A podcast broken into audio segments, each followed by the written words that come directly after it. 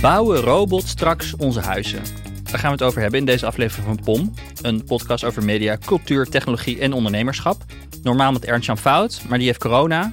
Uh, dus nu alleen met Alexander Klupping. Maar nu wel met een vriend van me, Salar Al-Kafaji. Als kind vluchtte hij uit Syrië met zijn ouders als politiek vluchtelingen. En daarna werd hij tech-ondernemer. Hij richtte eerst Silk op. Dat was een bedrijf dat datavisualisaties maakte. Dat verkocht hij aan het Amerikaanse Palantir. Uh, en nu heeft hij een nieuw bedrijf, Terraform. En dat bedrijf maakt bouwrobots. Dat hoor je goed. Dat is een robot die kan metselen. En zijn idee is dat binnen vijf jaar dat naar daadwerkelijk bouwplaats kan gaan, waardoor huizen met robots gemaakt kunnen worden.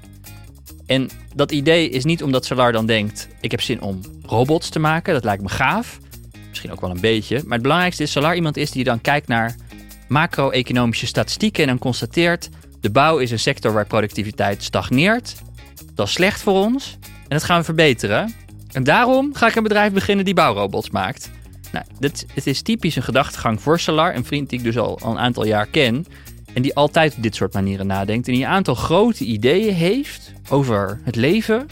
Ehm, en daar denkt hij veel over na. En daar praten wij veel over. En ik dacht, laten we dat nou eens proberen te doen uh, voor de microfoon. Zodat jullie daar ook uh, getuige van kunnen zijn. Ik heb een kleine man crush op de man. Dat zeg ik er maar gelijk bij. Uh, maar ik denk als je zijn, zijn ideeën hoort. Um, dat je dat misschien ook wel gaat hebben. In het geval je een man bent. Nou ja, goed, je begrijpt wat ik bedoel. een gesprek over vooruitgang en hoe we de wereld een klein beetje beter kunnen maken. Veel plezier.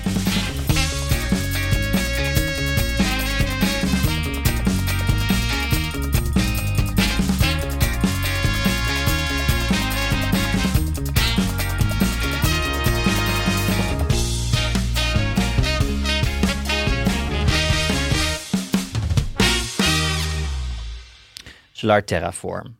Je bent een bouwrobot aan het bouwen. Klopt. wat, is een, wat is een bouwrobot? Nou, ik denk ongeveer wat je je voorstelt. Ik, uh, het is een, uh, een robot die gaat bouwen op de bouwplaats. We zijn nu specifiek bezig met een metselrobot. Ja. Om dus bakstenen te metselen. Dus hoe moet ik dit voor me zien? Er is een bouwplaats. Ja. En dan is er een arm. Ja, een, kraan, een kleine kraan op dit moment. Maar gewoon een robotarm of kraan, moet je ja. je voorstellen. Ja. En dan is er een stapel stenen. En die arm die pakt die stenen beet. Ja. En die legt ze op de goede plek. op ja. de goede plek. Ja. En doet er cement tussen. Een andere arm doet dat. Een andere arm komt ja. die ernaast staat. Ja, twee armen ja. die dat samen doen. Die samenwerken.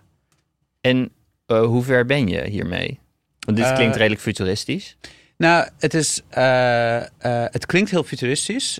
Maar als je erover nadenkt, dat eerste gedeelte in ieder geval, dus de bakstenen stapelen, is al wat in magazijnen overal ter wereld gebeurt. Hè? Het is niet heel anders dan een Amazon of Zalando magazijn waar gewoon schoenendozen en dit gebeurt al. Dit is het hele punt van zo. Het, het is natuurlijk heel innovatief en heel. Dit moet nog bewezen worden, maar het is niet ook weer science fiction wat ontdekt moet worden. Ja.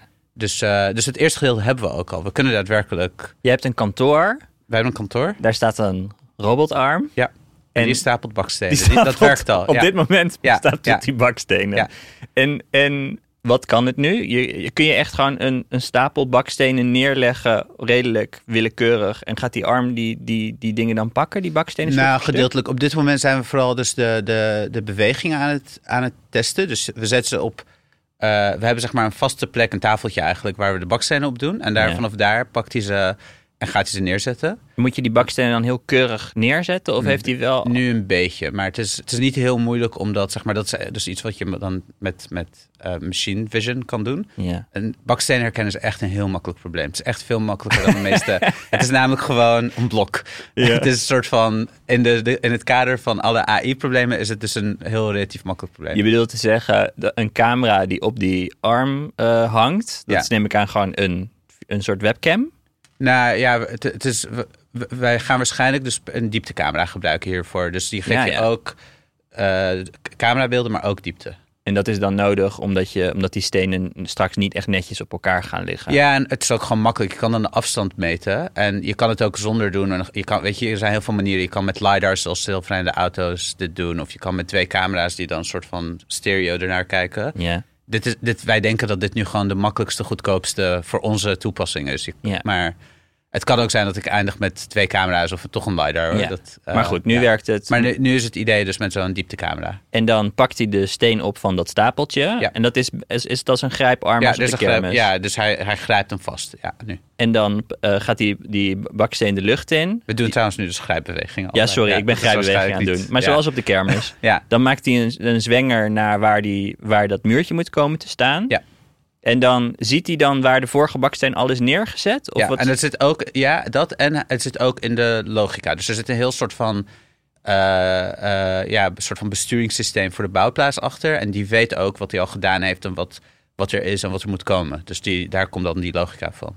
En eh, Dus hij weet waar hij moet komen. Hij weet waar, zeg maar, waar de vorige baksteen was waar hij moet komen. Maar ook bijvoorbeeld als hij een gat moet openlaten. Omdat er bijvoorbeeld een raamkazijn moet gaan komen. Juist. Dat is bijvoorbeeld. juist. En dan is, is er dus een soort van file die je invoert in de robot. En dan weet de robot, dat dan de tekening van de bouwplaat bij wijze van spreken. Ja, nu, nu coderen we het handmatig. Ja. eh, maar het idee is in principe dat je dat gewoon inderdaad in gaat laden. En, en oké, dus dat is een muur. Die wordt Ja. dan gebouwd door een robot. En dan eh, is er een andere arm die legt dat cement neer. Ja. Is dat, dat, is, dat is een relatief moe- dat is een moeilijker Dat is probleem. complexer. Ja, dat is complexer. waarom? Eh, nou, cement is gewoon een heel moeilijk materiaal. Dus eh, het gedraagt zich heel vreemd. Het is een soort van. Het zit tussen. De, het, het is soms een vloeistof en soms een, een harde stof. Hoe noem je dat? Een, een solid. Ja, zeg maar. als je Dus- lang genoeg wacht, dan... eh, ja, maar niet alleen maar dus als je dan genoeg wacht. Ook als je heel veel druk op, oplegt. Oké. Dus dat is het soort van. Het grappige ervan. Van, eh, als je bijvoorbeeld denkt: ik wil het pompen door een buis. En je gaat er harder pompen. ja, ja. Dan druk je het niet harder Oké. soort van door de buis heen, zoals met water. Dan wordt het gewoon hard. Ja, En dat zijn dingen die het soort van moeilijker maken. oké. En, maar het, we, we hebben ook dit probleem dus opgelost. Dus hier, als je vraagt waar zijn we nu, dan hebben we dit ook opgelost. Dus we kunnen ook gewoon cement leggen. En hoe werkt dat? Nou, met een vergelijkbare kraan, eh, kraanarm, zeg maar. En dan in plaats van dus dat er een, eh, een, een, een grijper is aan, de, aan het einde van die arm, zit er een soort van bakje waar gewoon cement uitkomt.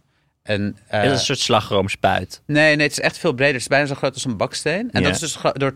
Ja, het is een soort van. Je moet het bijna. Je moet het wel echt voor je zien. Maar. Het, het stroomt er niet zomaar uit. Het is een beetje zoals een ketchupfles die je omkeert, weet je wel. Het, Ja. is, het is wel vloeibaar, maar het stroomt er niet uit zoals water. Ja. Maar als je het op een bepaalde manier trilt, dan stroomt het er wel uit. Dus je kan daar een soort van trucjes mee doen. En dan heb je het helemaal onder controle, denken wij.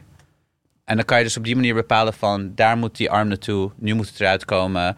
En dan met bepaalde vibraties, echt met specifieke frequenties... Komt het eruit? Ja. Een beetje zoals je een ketchupfles moet shaken Ja, voordat, ja, er, voordat er wat uitkomt. En dan is het een keurig laagje cement waar de volgende laag baksteen eh, op kan komen.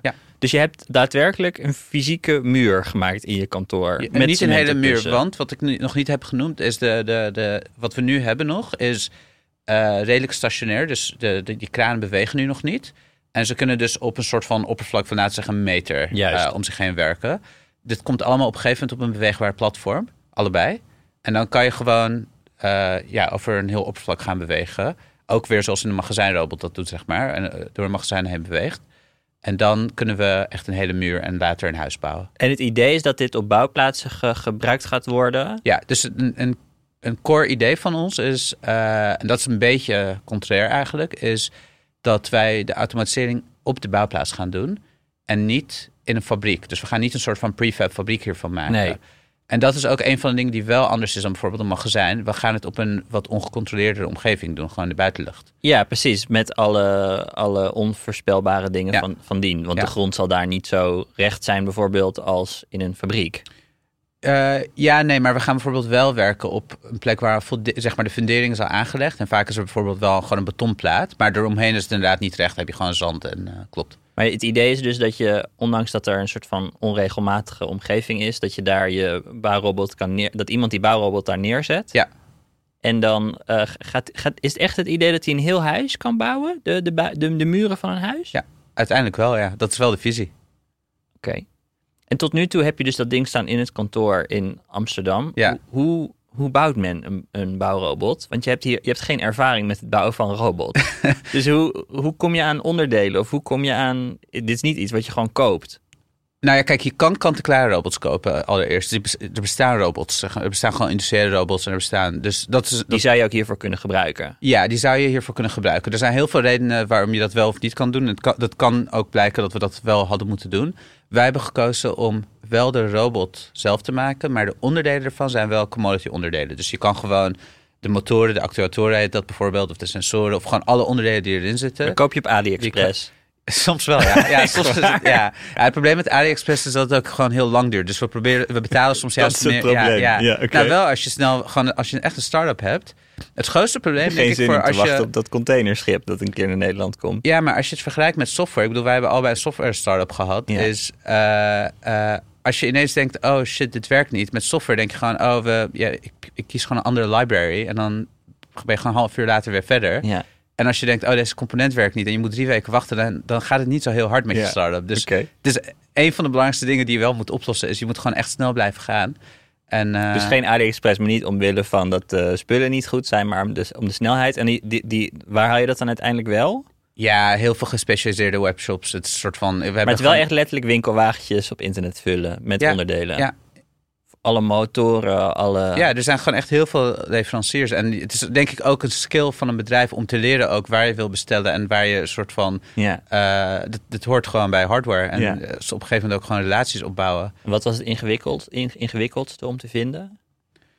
Eh, nou, op dit moment hebben we serieus eh, last van dus de, die, die tekorten aan chips. Dat merken wij zelf ook. Gewoon zelfs ook met, met van die, ja, ik noem het bijna van die speelgoedonderdelen. Zoals gewoon een Raspberry Pi of zo. Dat eh, weet je Ja, wel, die kleine. Of, het is best wel lastig om bepaalde onderdelen te krijgen nu. En we hebben ook wel gewoon letterlijk gewoon, zowel lokaal met pakketdeliveries in Nederland als. we merken ook gewoon dat dingen soms echt heel lang duren voordat we ze krijgen. Dus eh, ja, het is wel zeg maar de, de, die supply chain problemen over de hele wereld. Dat merken wij op kleine schaal ook wel. En heb je ook dingen zelf moeten maken, onderdelen? We proberen niet heel veel, dus kleine sensoren en dat soort dingen niet. Maar eh, ja, we, hebben, we maken wel gewoon, we hebben 3D-printen, we hebben een CNC-machine, we, we hebben, hoe heet dat, een, een, een, eh, een draaibank, een, een, eh, een eh, Wat 3D-print je dan bijvoorbeeld? ja, heel veel onderdelen. Ik bedoel, alles wat soort van, eigenlijk alle koppelingen, alles wat soort van dingen bij elkaar raapt, dat moeten wij zelf ontwerpen. Eh, of dat hebben wij ja, zelf ontworpen. tuurlijk. om de dus- onderdelen die je koopt ja, aan dat is, te... ja, precies. Want Ja. dat is wel een soort van onderdeel van het kastenwerk. Ja, je we moet niet, ze niet alleen goed zijn in winkelwagentjes vullen op het Ja, internet. je moet ook wel zeg maar, ja, dus je ontwerpt iets. Ja, ja, ja, nou ja, we hebben echt in het begin duct tape gebruikt. Dat is wel zeg maar, dat, dat hoort, dat werkt echt. Ja, Maar je bent dus aan het 3D-printen om die koppelingen tussen die apparaten te maken. ja, ja. Maar ik denk de soort van de, de, het meta-antwoord op je vraag is denk ik ook niet anders dan andere startups. Dus je begint met iets, je moet het een beetje zelf kunnen of zelf willen leren, denk ik. Maar op een gegeven moment is de oplossing, dus je neemt gewoon mensen aan die beter zijn dan jezelf. Ja. Dus die dit wel hebben gedaan en die wel weten wat ze aan het doen zijn.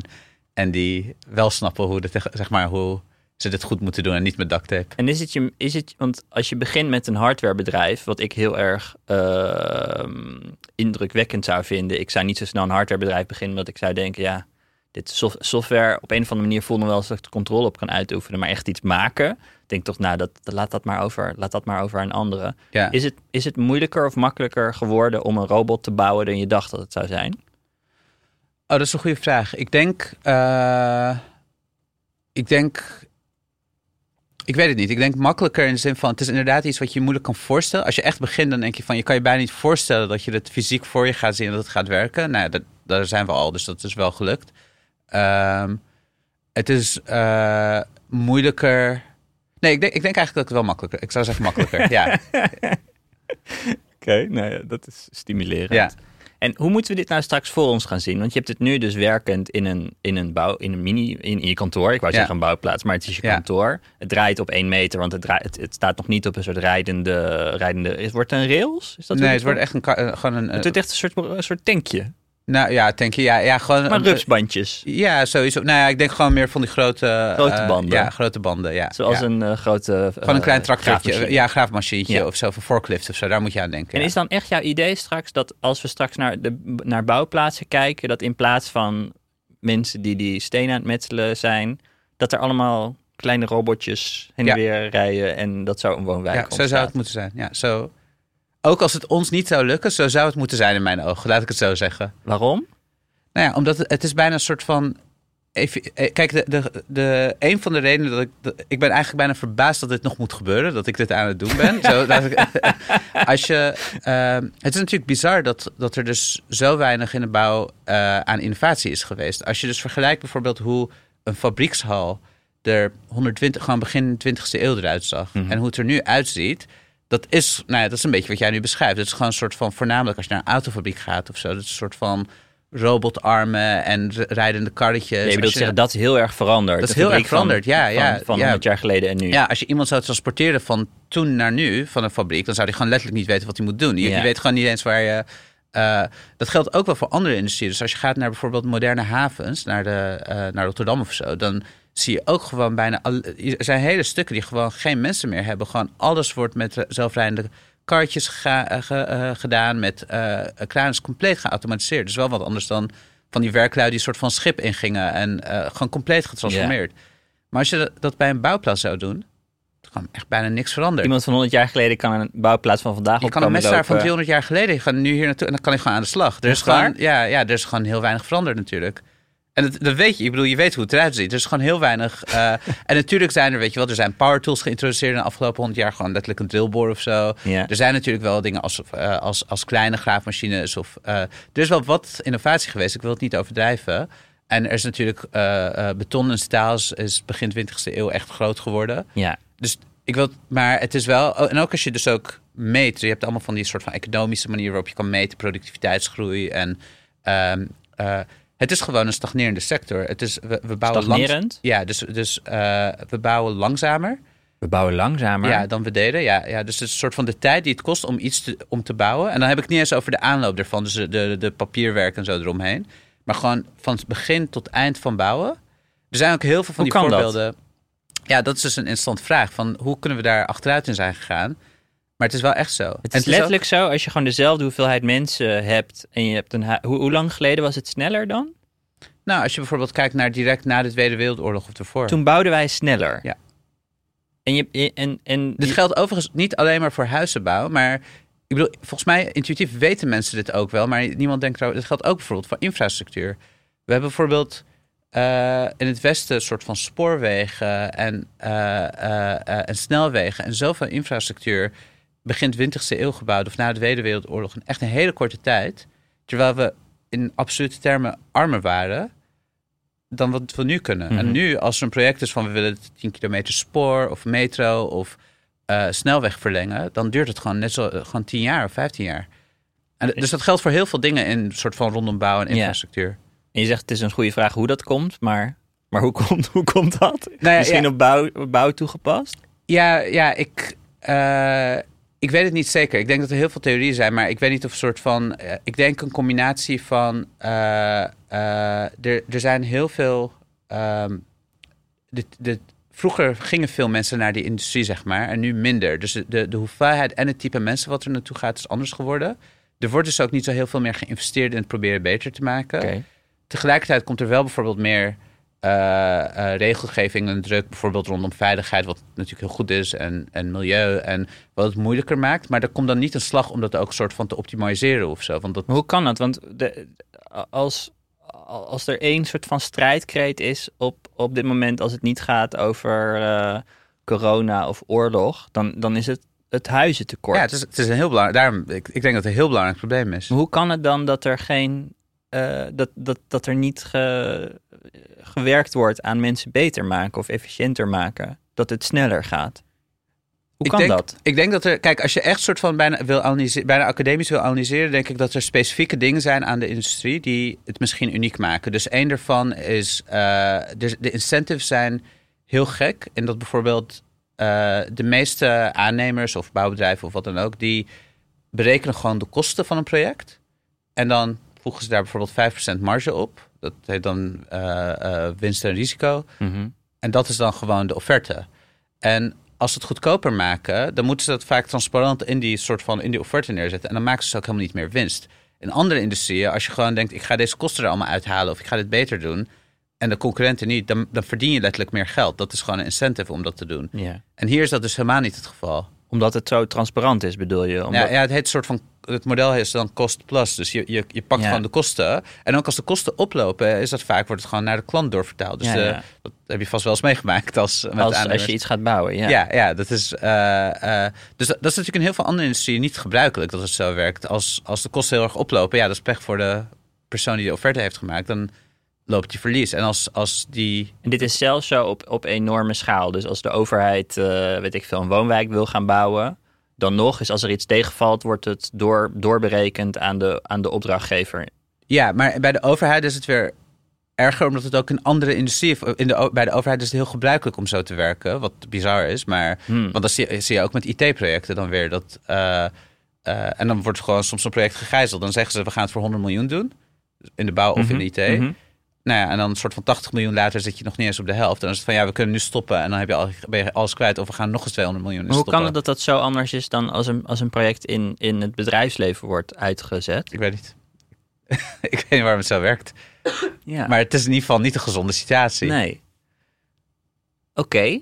Eh, Dus het is, we zijn langzamer geworden in het bouwen van eh, huizen, bouwen van wegen. Zijn er nog andere dingen waar we slechter in geworden zijn over tijd? Ik vind mijn oren klapperen. Jij zegt vroeg volsmatig weet je dit wel, maar ik wist dit niet hoor. Nou ja, ik denk eh, ehm, over het algemeen, dus een beetje een soort van, geldt het eigenlijk voor heel veel dingen in de fysieke wereld. Dus er is een soort van these dat eigenlijk bijna alles op de, de, de, de, de vlak van soort van IT, software, virtu- zeg maar de virtuele wereld, dat daar heel veel innovatie is geweest de afgelopen 30, 40 jaar. Ja. Maar dat het eigenlijk ook, onder andere bijvoorbeeld omdat veel soort van getalenteerde mensen dus ook naar die sector getrokken zijn samen met Hmm. finance, die twee sectoren. Daar kan je veel geld verdienen, daar kan je snel resultaten boeken. Er is ook relatief weinig regelgeving geweest in ieder geval voorheen. Hmm. Eh, dus het heeft allemaal soort van, van, het heeft heel veel aantrekkingskracht. En eh, heel veel dingen in de fysieke wereld zijn ja, gestagneerd. Dus we hebben het nu over bouw en infrastructuur, maar we, hebben, we hadden het net even over Boeing vliegtuigen. Ik bedoel, ik denk de, de luchtvaartindustrie. Dat we voor, de, voor deze opname. Ja, voor de- ja. maar is, eh, ja, je zou ook kunnen zeggen dat het is gestagneerd. We, we hadden een soort van jaren 70 ook wel Con- Concorde. Ja, sindsdien vliegen we langzamer. Er zijn geen nieuwe luchtvaartbedrijven opgericht. Eh, de, de innovatie in vliegtuigen en luchtvaart is, ja, je zou kunnen zeggen gestagneerd. We hebben niet echt een soort van veel verbetering erin. Nee, soort worden van- af en toe iets meer mensen of iets minder mensen. En het ja, wordt en ze worden een soort van energiezuiniger. 4% energiezuiniger, omdat er ergens een stuk weer van carbon fiber zijn gemaakt. Maar het is niet soort van, we- dit is niet van, we zijn van propellervliegtuigen naar een soort van eh, een jet. eh, Nee, ik, zat naar, ik zat naar een hele vette film te kijken op, op Netflix over Boeing. En over die Boeing eh, 737 MAX die neerstortte. En dat Boeing dat voor zijn rekening mag nemen. Ja. Omdat ze, een van der, ze wilden heel graag dat er geen pilotentraining zou komen voor een nieuwe vliegtuig wat ze wilden maken. En daardoor hadden ze iets verzwegen tegen piloten wat uiteindelijk twee vliegtuigen liet crashen. En waardoor die, dit type vliegtuig twee, ma of twee jaar aan de grond, nee, lang, ja, bijna twee jaar aan de grond moest blijven. En dat was eh, omdat zij, concurrent Airbus, maakte een vliegtuig eh, wat energiezuinig was, wat Boeing ook graag wilde maken. En dat vliegtuig, die, die nieuwe, die MAX-versie van die 737, was dus uiteindelijk een eh, vliegtuig wat al sinds de jaren 60 of zo. Dit is Bizar, hè? een ontwerp uit de jaren Ja. 60. Ja. Waar, waar dan nu een nieuwe versie was uit, omdat ze hem net iets langer hadden gemaakt. Of net de motor iets hoger op het vliegtuig Ja. hadden gezet, omdat hij wat zwaarder was geworden. Maar een ontwerp uit de jaren 60, waar het personeel dus ook vraagt: kunnen we alsjeblieft een nieuw vliegtuig maken? Dat komt dus net vers op de band van de band afrollen. Maar zitten nog steeds met tekeningen uit de jaren 60 te werken. Maar ja, in- als je, als je om je heen gaat kijken, ook, ook altijd als ik denk aan, aan banken. Dan, heb ik ook het vermoeden dat daar een soort van brei aan kobol Ja, en, is ook zo. eh, Ja, echt. onder Ja. zit. ja. Ik wil niet weten hoe, hoe heel veel van dingen die toch ook wel software in zich hebben, uiteindelijk ook runnen op sy- systemen uit de jaren 80. Nee, klo- ja, klopt. Maar goed, er is dus een soort van incentive, en dat zie je in die Boeing-film heel mooi. Er is soms gewoon een economische incentive om geen nieuwe dingen te bouwen. Ondanks dat het een onwijs co- beconcurreerde industrie is. De luchtvaart is gewoon cutthroat. Dat is, want het is harde concurrentie. Nou, niet op de, op de kant van, eh, van de productie van vliegtuigen. Dus wel de, de airlines, maar niet... eh, Nou ja, Boeing en, en Airbus hebben, zou ik toch wel zeggen dat dat concurrent zijn van elkaar. ja, maar dat is, niet, het, zijn, het is wel een soort van een duopolie. Dat, Juist, Ja, juist. En daar, dat is het probleem. ja. Ja, ja, dat zou kunnen. Nou ja, hoe dan ook. eh, dit zijn de sectoren waarbij je kan, van die fysieke sectoren waarvan je kan zien dat het ges- gestagneerd is. Bedoel, bij tv's of bij computers zijn we gewend, en dat zijn ook fysieke dingen, zijn we gewend dat het alsmaar beter wordt. Ja. Dus een, tv is onmiskenbaar goedkoper geworden in de laatste, laatste twintig jaar. Waarom is dat dan niet zo als het gaat over bouw? Wat is dan het verschil tussen een, een, een bouwen van een tv of het bouwen van een huis? Waarom is dat anders? Ja, ik, eh, Nou, ik denk dus wat, wat ik net zei, de, de dynamiek dus van, van die sectoren, dus van zeg maar de, de, de, eh, eh, ehm, eh, het feit dat, dat dus de manier dat het feit dat de bouw in principe de kosten doorberekent, is denk ik één factor ervan. Ik denk een andere is dat de bouw historisch heel cyclisch, cyclisch is. dus het wordt eigenlijk altijd het hardst geraakt als er een recessie is. dat zag ik bijvoorbeeld ook in 2008. Dat was een hardst geraakte sector toen. Ja. En dat zorgt ervoor dat heel veel bouwbedrijven... En dat dan opeens alles stil komt te liggen, bedoel je? Ja, ja en daardoor uh, uh, uh, wordt het ook niet echt een hele kapitaalintensieve sector. Dus dat betekent dat als er wat geld is, in goede tijden spaar je eigenlijk geld op. Met de houding ook van er komen slechte tijden aan. En dat doen ze niet in de bouw? Dat, nee, dat, dat, doen ze dus wel. Maar okay. dan, doe je, ga je dus ook niet heel agressief investeren. Omdat je het eigenlijk gewoon aan het oppotten Mm. bent.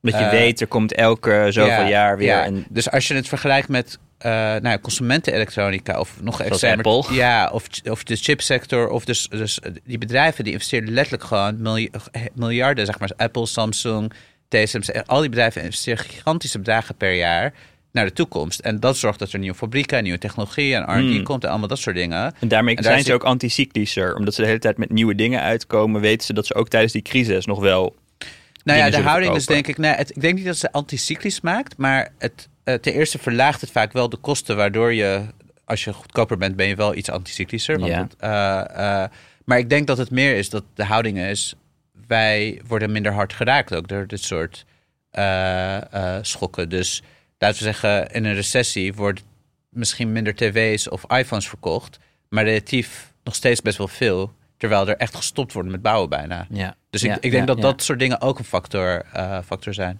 Hey, en om die huizencrisis op te lossen, hè? want dit is, je doet dit niet omdat je, uh, omdat je denkt ik heb zin om robots te bouwen. Je doet dit omdat je denkt dat dit dus een groot probleem is. Ja. Dus de stagnerende bouwsector. Ja. Je hebt, die, je hebt zo'n VVD-politicus die de hele tijd roept te bouwen, bouwen, bouwen. Ja. Heeft hij gelijk? Ik, ik, ik ken die, maar ik denk het wel. Ja, ik ken die gast niet. Dus Nou ja, maar, ja, maar ik kan ja. Klopt het als wij zeggen bouwen, bouwen, bouwen? Ja, ik of denk, is het probleem iets anders? Nee, ik, ik denk dat er meerdere problemen zijn. Dus ik denk niet dat, ik denk niet dat het soort van alleen maar bouw is. Dus je hebt een soort van eh, allemaal dingen rondom regelgeving en wie kan er een huis kopen en hoe. Er zijn natuurlijk allerlei lagen. Ja. Maar eh, het fundament in mijn ogen is: er moeten meer huizen komen. Eh, er is gewoon letterlijk een tekort aan huisvesting. Er is gewoon een absoluut tekort. Dus je kan heel veel dingen bedenken met soort van incentives of wachtlijsten of belastingen. Maar uiteindelijk, er, moet gewoon, er, er moeten gewoon fysiek meer huizen Ja. zijn. Er is schaarste. Ehm, een gedeelte daarvan kan je zeggen dat is regelgeving. Dus het is moeilijk om te bouwen in een land als Nederland. Maar als je dat nu morgen zou oplossen, dus dat moet ook gebeuren. Je moet, er moet, Moet er simpeler worden. Ja, maar als je het morgen zou oplossen, dan is er niemand die, die kan meer Hmm. kan bouwen. We kunnen niet drie keer zoveel bouwen morgen. Ja, ja, ja, ja. Dat, dat weten mensen denk ik ook wel een beetje. Want je kan niet eens een aannemer nu vinden. dat is een soort van, je kan gewoon... eh, er, alle bouwbedrijven zitten volgens mij nu gewoon ver op hun max. En eh, zijn een soort van jaren, ruim een jaar volgeboekt. ja. Uh, dus het is ook niet dat er een soort van capaciteit is om keer twee of keer drie te gaan, als we dat al zouden willen. En dat is denk ik een, een, uh, een hoe noem je dat, een seculier, zeg maar. Dat, dat, dat, is een, dat is niet iets wat tijdelijk is. Dat gaat zo door, want we zitten in een samenleving die aan het vergrijzen is, waarin mensen over het algemeen niet meer dit soort werk willen doen. En ja, de, de, zonder een soort van Oost-Europese immigratie zouden we volgens mij al sowieso al nu niet meer heel veel Mm. kunnen bouwen. Mm. Dus, uh, dus als je het extrapoleert over de komende 10, 20 jaar, er moet echt meer automatisering komen. Dat, er is gewoon geen andere optie. En hoe lang gaat het duren, denk je, voordat jullie uh, bouwrobots hebben rondreizen die woonwijken uit de grond stampen? Ja, ik weet niet. Ik denk start-up founders die voorspellingen maken wanneer ze uh, is, is altijd. Uh, ja, maar je hebt wel een ja. verwachting. Want je, je gaat ja. vanuit dat dit gaat werken. Ja, natuurlijk. Ik, uh, kijk, ik hoop dat we binnen anderhalf jaar gewoon een werkende, dit op kleine schaal gewoon één of twee of drie keer uh, kunnen demonstreren. Wanneer dit op schaal werkt, ik denk wel een paar jaar nog. Maar? Maar ik, laat ik zo zeggen, binnen vijf jaar moeten wij gewoon dit al... Een muur kunnen bouwen op nee, een nee, bouwplaats? Nee, nee gewoon... Een huis? Een huis, ja. De, de, de, de, de metselwerk van een het huis. Het metselwerk van ja, een huis? Ja, niet alles van een huis, maar een stuk van een huis. Binnen nu en vijf jaar staat jouw robot op een bouwplaats? Ja. Leuk. Had je ook in de zorgsector of het onderwijs kunnen storten, want het zijn ook sectoren waarbij... Ja. Uh, waarom heb je voor de bouw gekozen? Of waarom niet voor die andere twee? Ik denk een mix van persoonlijke interesse. Dat, ik vind het wel gewoon echt interessanter. Uh, uh, en ik denk dat als je soort van ehm, de percent, eh, als je zou zeggen hoeveel procent is eh, het werk zelf, de, acties en hoeveel regelgeving, denk ik dat al deze industrieën hebben heel veel regelgeving. Maar bijvoorbeeld de zorg is eigenlijk bijna al, dan moet je alleen maar denk ik een soort van politiek bedrijven en regels proberen te veranderen. Want robots hebben geen plek daar.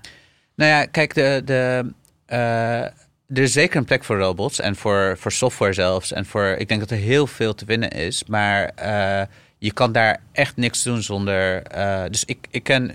Als je, ik vind zeg maar een, een interessant gedachte-experiment die je altijd kan doen. Van hoe erg is regelgeving is je voorstellen hoe borrelpraat tussen ondernemers is. Dus als wij nu praten over mogelijke start-up ideeën. Gewoon als wij nu tien start-up ideeën gaan genereren Ja. dan ben je ze eigenlijk impliciet direct al aan het filteren. Dus misschien kom je met een of ander appje en dan gaan we bedenken of het een goede of slechte app is, of het aan kan slaan of dat je geld mee kan verdienen. En wat je ziet is dat zodra je iets medisch bedenkt of iets in de eh, zorg, dan is heel snel de conclusie: oké, maar we moeten een soort van vijf tot tien jaar echt door een heel traject van eh, regulators, eh, verschillende trials. Het hangt een beetje vanaf wat je aan het doen bent. En daar, heeft gewoon, daar hebben heel weinig mensen zin in. En het is ook een proces waar je heel weinig controle over hebt. Dat niet heel fijn is als je een bedrijf begint. Dus het is heel moeilijk om daar. Een onderwijs? ehm, ik weet daar denk ik gewoon te weinig van af. Zou je, zou je het op dezelfde manier aanvliegen zoals je nu met je bouw... Want eh, hoe, ik, ik ken jou als iemand die gewoon eerst gaat kijken naar de soort van macro-statistieken... en dan gaat bepalen waar je je focus op gaat richten. Ja. Toch? Dat klopt Ja, toch? nee, dat klopt. Dat is zeker een onderdeel. Ja. En eh, dan is onderwijs en zorg zijn twee andere sectoren waar je je ook tegenaan had kunnen gaan bemoeien. Maar wat, is de, wat, is de, wat zou de aanvliegroute geweest zijn als je het bijvoorbeeld bij onderwijs gedaan zou hebben? Zou je dan ook gedacht, dan ga je niet denken robot, neem ik aan. nee, Dan ik is denk niet software. robots. Ik denk software. En wat Eh, dan? Maar ik moet eerlijk zeggen, ik. Ik denk één ding wat ik zou bedenken, zeg maar, is bij. bij op basis van wat ik zelf denk, wat Ja, ja. helemaal verkeerd kan zijn, want ik heb er niet zoveel over nagedacht, is. eh, ik denk dat je het buiten de soort van super gereguleerde pad moet doen. Dus ik denk niet dat ik bijvoorbeeld scholen of zo zou proberen te hervormen. Nee. Eh, maar ik denk dus dat je of in Nederland eh, alternatieve methoden zou... Dus je ziet ook volgens mij dat voor zover innovatie is in onderwijs... is het heel veel met bijles gerelateerde dingen. Want daar is meer, meer speelruimte met een Ja. soort van tooling daaromheen. Of, eh, ehm, en, eh, of echt naar andere landen waar je gewoon meer... eh, dus ik weet dat veel bijvoorbeeld eh, Amerikaanse ondernemers... die iets een health willen doen, die gaan nu naar India. Want daar is bijvoorbeeld wel ruimte om. Daar, daar willen mensen veel dingen efficiënter doen. Dus op kosten de, de, de uitkomsten per euro eigenlijk verhogen. Dat wordt daar gezien als belangrijker dan in het Je Westen. te zeggen, daar zijn ze bereid om regelgeving opzij te schuiven. Nee, ja, maar dat klinkt gelijk heel hard of zo. Alsof je een soort van risico's neemt met, eh, eh, Met mensenlevens. met mensenlevens. Terwijl eh, ik denk dat als je, je startpunt relatief slecht is, dat je bereid bent om andere stappen te nemen. Dat wordt ook vaak leapfrogging genoemd. dan als je het hier al heel goed, goed, bent, goed hebt. Ja, ja. Nee, ik denk, wij zijn allebei... Ik vraag het omdat eh, we zijn allebei denk ik heel erg getriggerd geweest door een essay wat Mark Andreessen ooit geschreven Ja. heeft. Dat heet It's Time to Build. Ja. Dat is een artikel of een essay dat geschreven is in de, aan het begin van corona. Toen eh, het niet lukte om mondkapjes eh, naar Amerika te krijgen. En hij, hij schrijft het op een moment dat... De, Of in Amerika te produceren. of, Dat- nou ja, ja, ja, ja. Eh, maar hij schrijft het op een moment dat, ze- dat de overheid vraagt om poncho's, regenponcho's, omdat, ze, eh, omdat in operatiekamers er onvoldoende soort beschermingsmiddelen zijn. En hij, hij vraagt zich af hoe, nou, hij, hij- het is niet alleen een vraag, het is een opdracht aan het land of aan de westerse wereld om weer te gaan bouwen. Zodat je niet alleen zelf mondkapjes kan maken, maar ook, zegt hij, waar zijn die supersonische vliegtuigen die ons ooit, eh, die ons ooit beloofd zijn? En de vliegende auto natuurlijk. Ehm, eh, maar ook, hoe kan het dat we nog maar zo'n klein... We hebben fantastisch onderwijs, in, in zijn geval in Amerika, maar ook in Nederland. Maar hoezo, hoe kan het dat we in deze tijden nog maar zo'n klein deel van de wereld... eh, namelijk de mensen die naar Harvard kunnen of naar Yale kunnen of wat dan ook... eh, dat we zo'n klein deel van de 18-jarigen het toponderwijs kunnen geven. Terwijl we weten dat bijvoorbeeld die omgevingen of één op één lesgeven aan leerlingen... dat dat zoveel beter werkt. Ja. En als je nadenkt over hoe maak je de wereld een betere plek, dan is onderwijs toch iets wat niet echt controversieel is. Dat ontwikkelt blijkbaar, dat ontwikkelt blijkbaar niet. Nee, wat wel heel bijzonder is, is bijvoorbeeld, ik, ik heb uh, soort van voor deze start-up, dus na mijn vorige start-up, heb ik wat tijd vrijgenomen. En dan, toen heb ik bijvoorbeeld wel, je kan gewoon hele, gewoon MIT of Harvard of gewoon de topuniversiteit, hele curricula online volgen. Gewoon, dit is, er zijn zeg maar studies waar je 60k of zo voor moet betalen in principe. En met topprofessoren, en of het nou een biotech is of een AI, of uh, je kan het gewoon nu gratis of voor echt voor heel weinig geld online kijken. Dus er is natuurlijk wel veel gebeurd, maar de effecten daarvan zijn best wel beperkt. En het is eigenlijk heel bijzonder dat je dus gewoon met een internetverbinding kan je al een soort van dat, dat niveau van onderwijs. Uh, maar die één op één instructie of die één op weinig instructie, dat is moeilijk te repliceren volgens mij. En er zit natuurlijk een heel pedagogisch element in. En ik denk dat daar iets is waar ik gewoon ook niet zo goed weet wat ik ermee moet of zo. Dat, is soort van, dat zou ik... Nee, maar ik, ja, maar ik, dat is wel, ik ga je ook niet verantwoordelijk salarissen nee, voor, ik voel, ik, voor, voor, deze dingen. ja, maar het is wel een interessante vraag van wat, hoe zou je dat inderdaad opschalen? Dat is denk ik de vraag. Hoe kan je met... Kijk, volgens mij is het soort van wat ons interesseert is de vraag van hoe kan je... Technologie is volgens mij met hoe doe je meer met minder? Dat kan met grondstoffen zijn, zeg maar gewoon efficiëntere... Uh, uh, maar het is ook met, met mensen. Hoe meer we kunnen doen met minder mensen uh, ja, hoe meer je kan bereiken. Dat hebben we met landbouw bereikt. Maar dat zou ook goed zijn om met onderwijs te bereiken. Maar er zijn ook heel veel mensen die zeggen: je moet juist. Onderwijs gaat het dan niet over. Maar als het gaat over, uh, over het gebruik van grondstoffen. zijn er ook heel veel mensen die zeggen: we moeten gewoon minder gebruiken. We moeten niet grondstoffen efficiënter per, alleen maar gaan gebruiken. We moeten zelf ook minder gebruiken. Dat is de oplossing. Dus kijken naar productiviteitsgroei voelt bijna als een soort van privilege.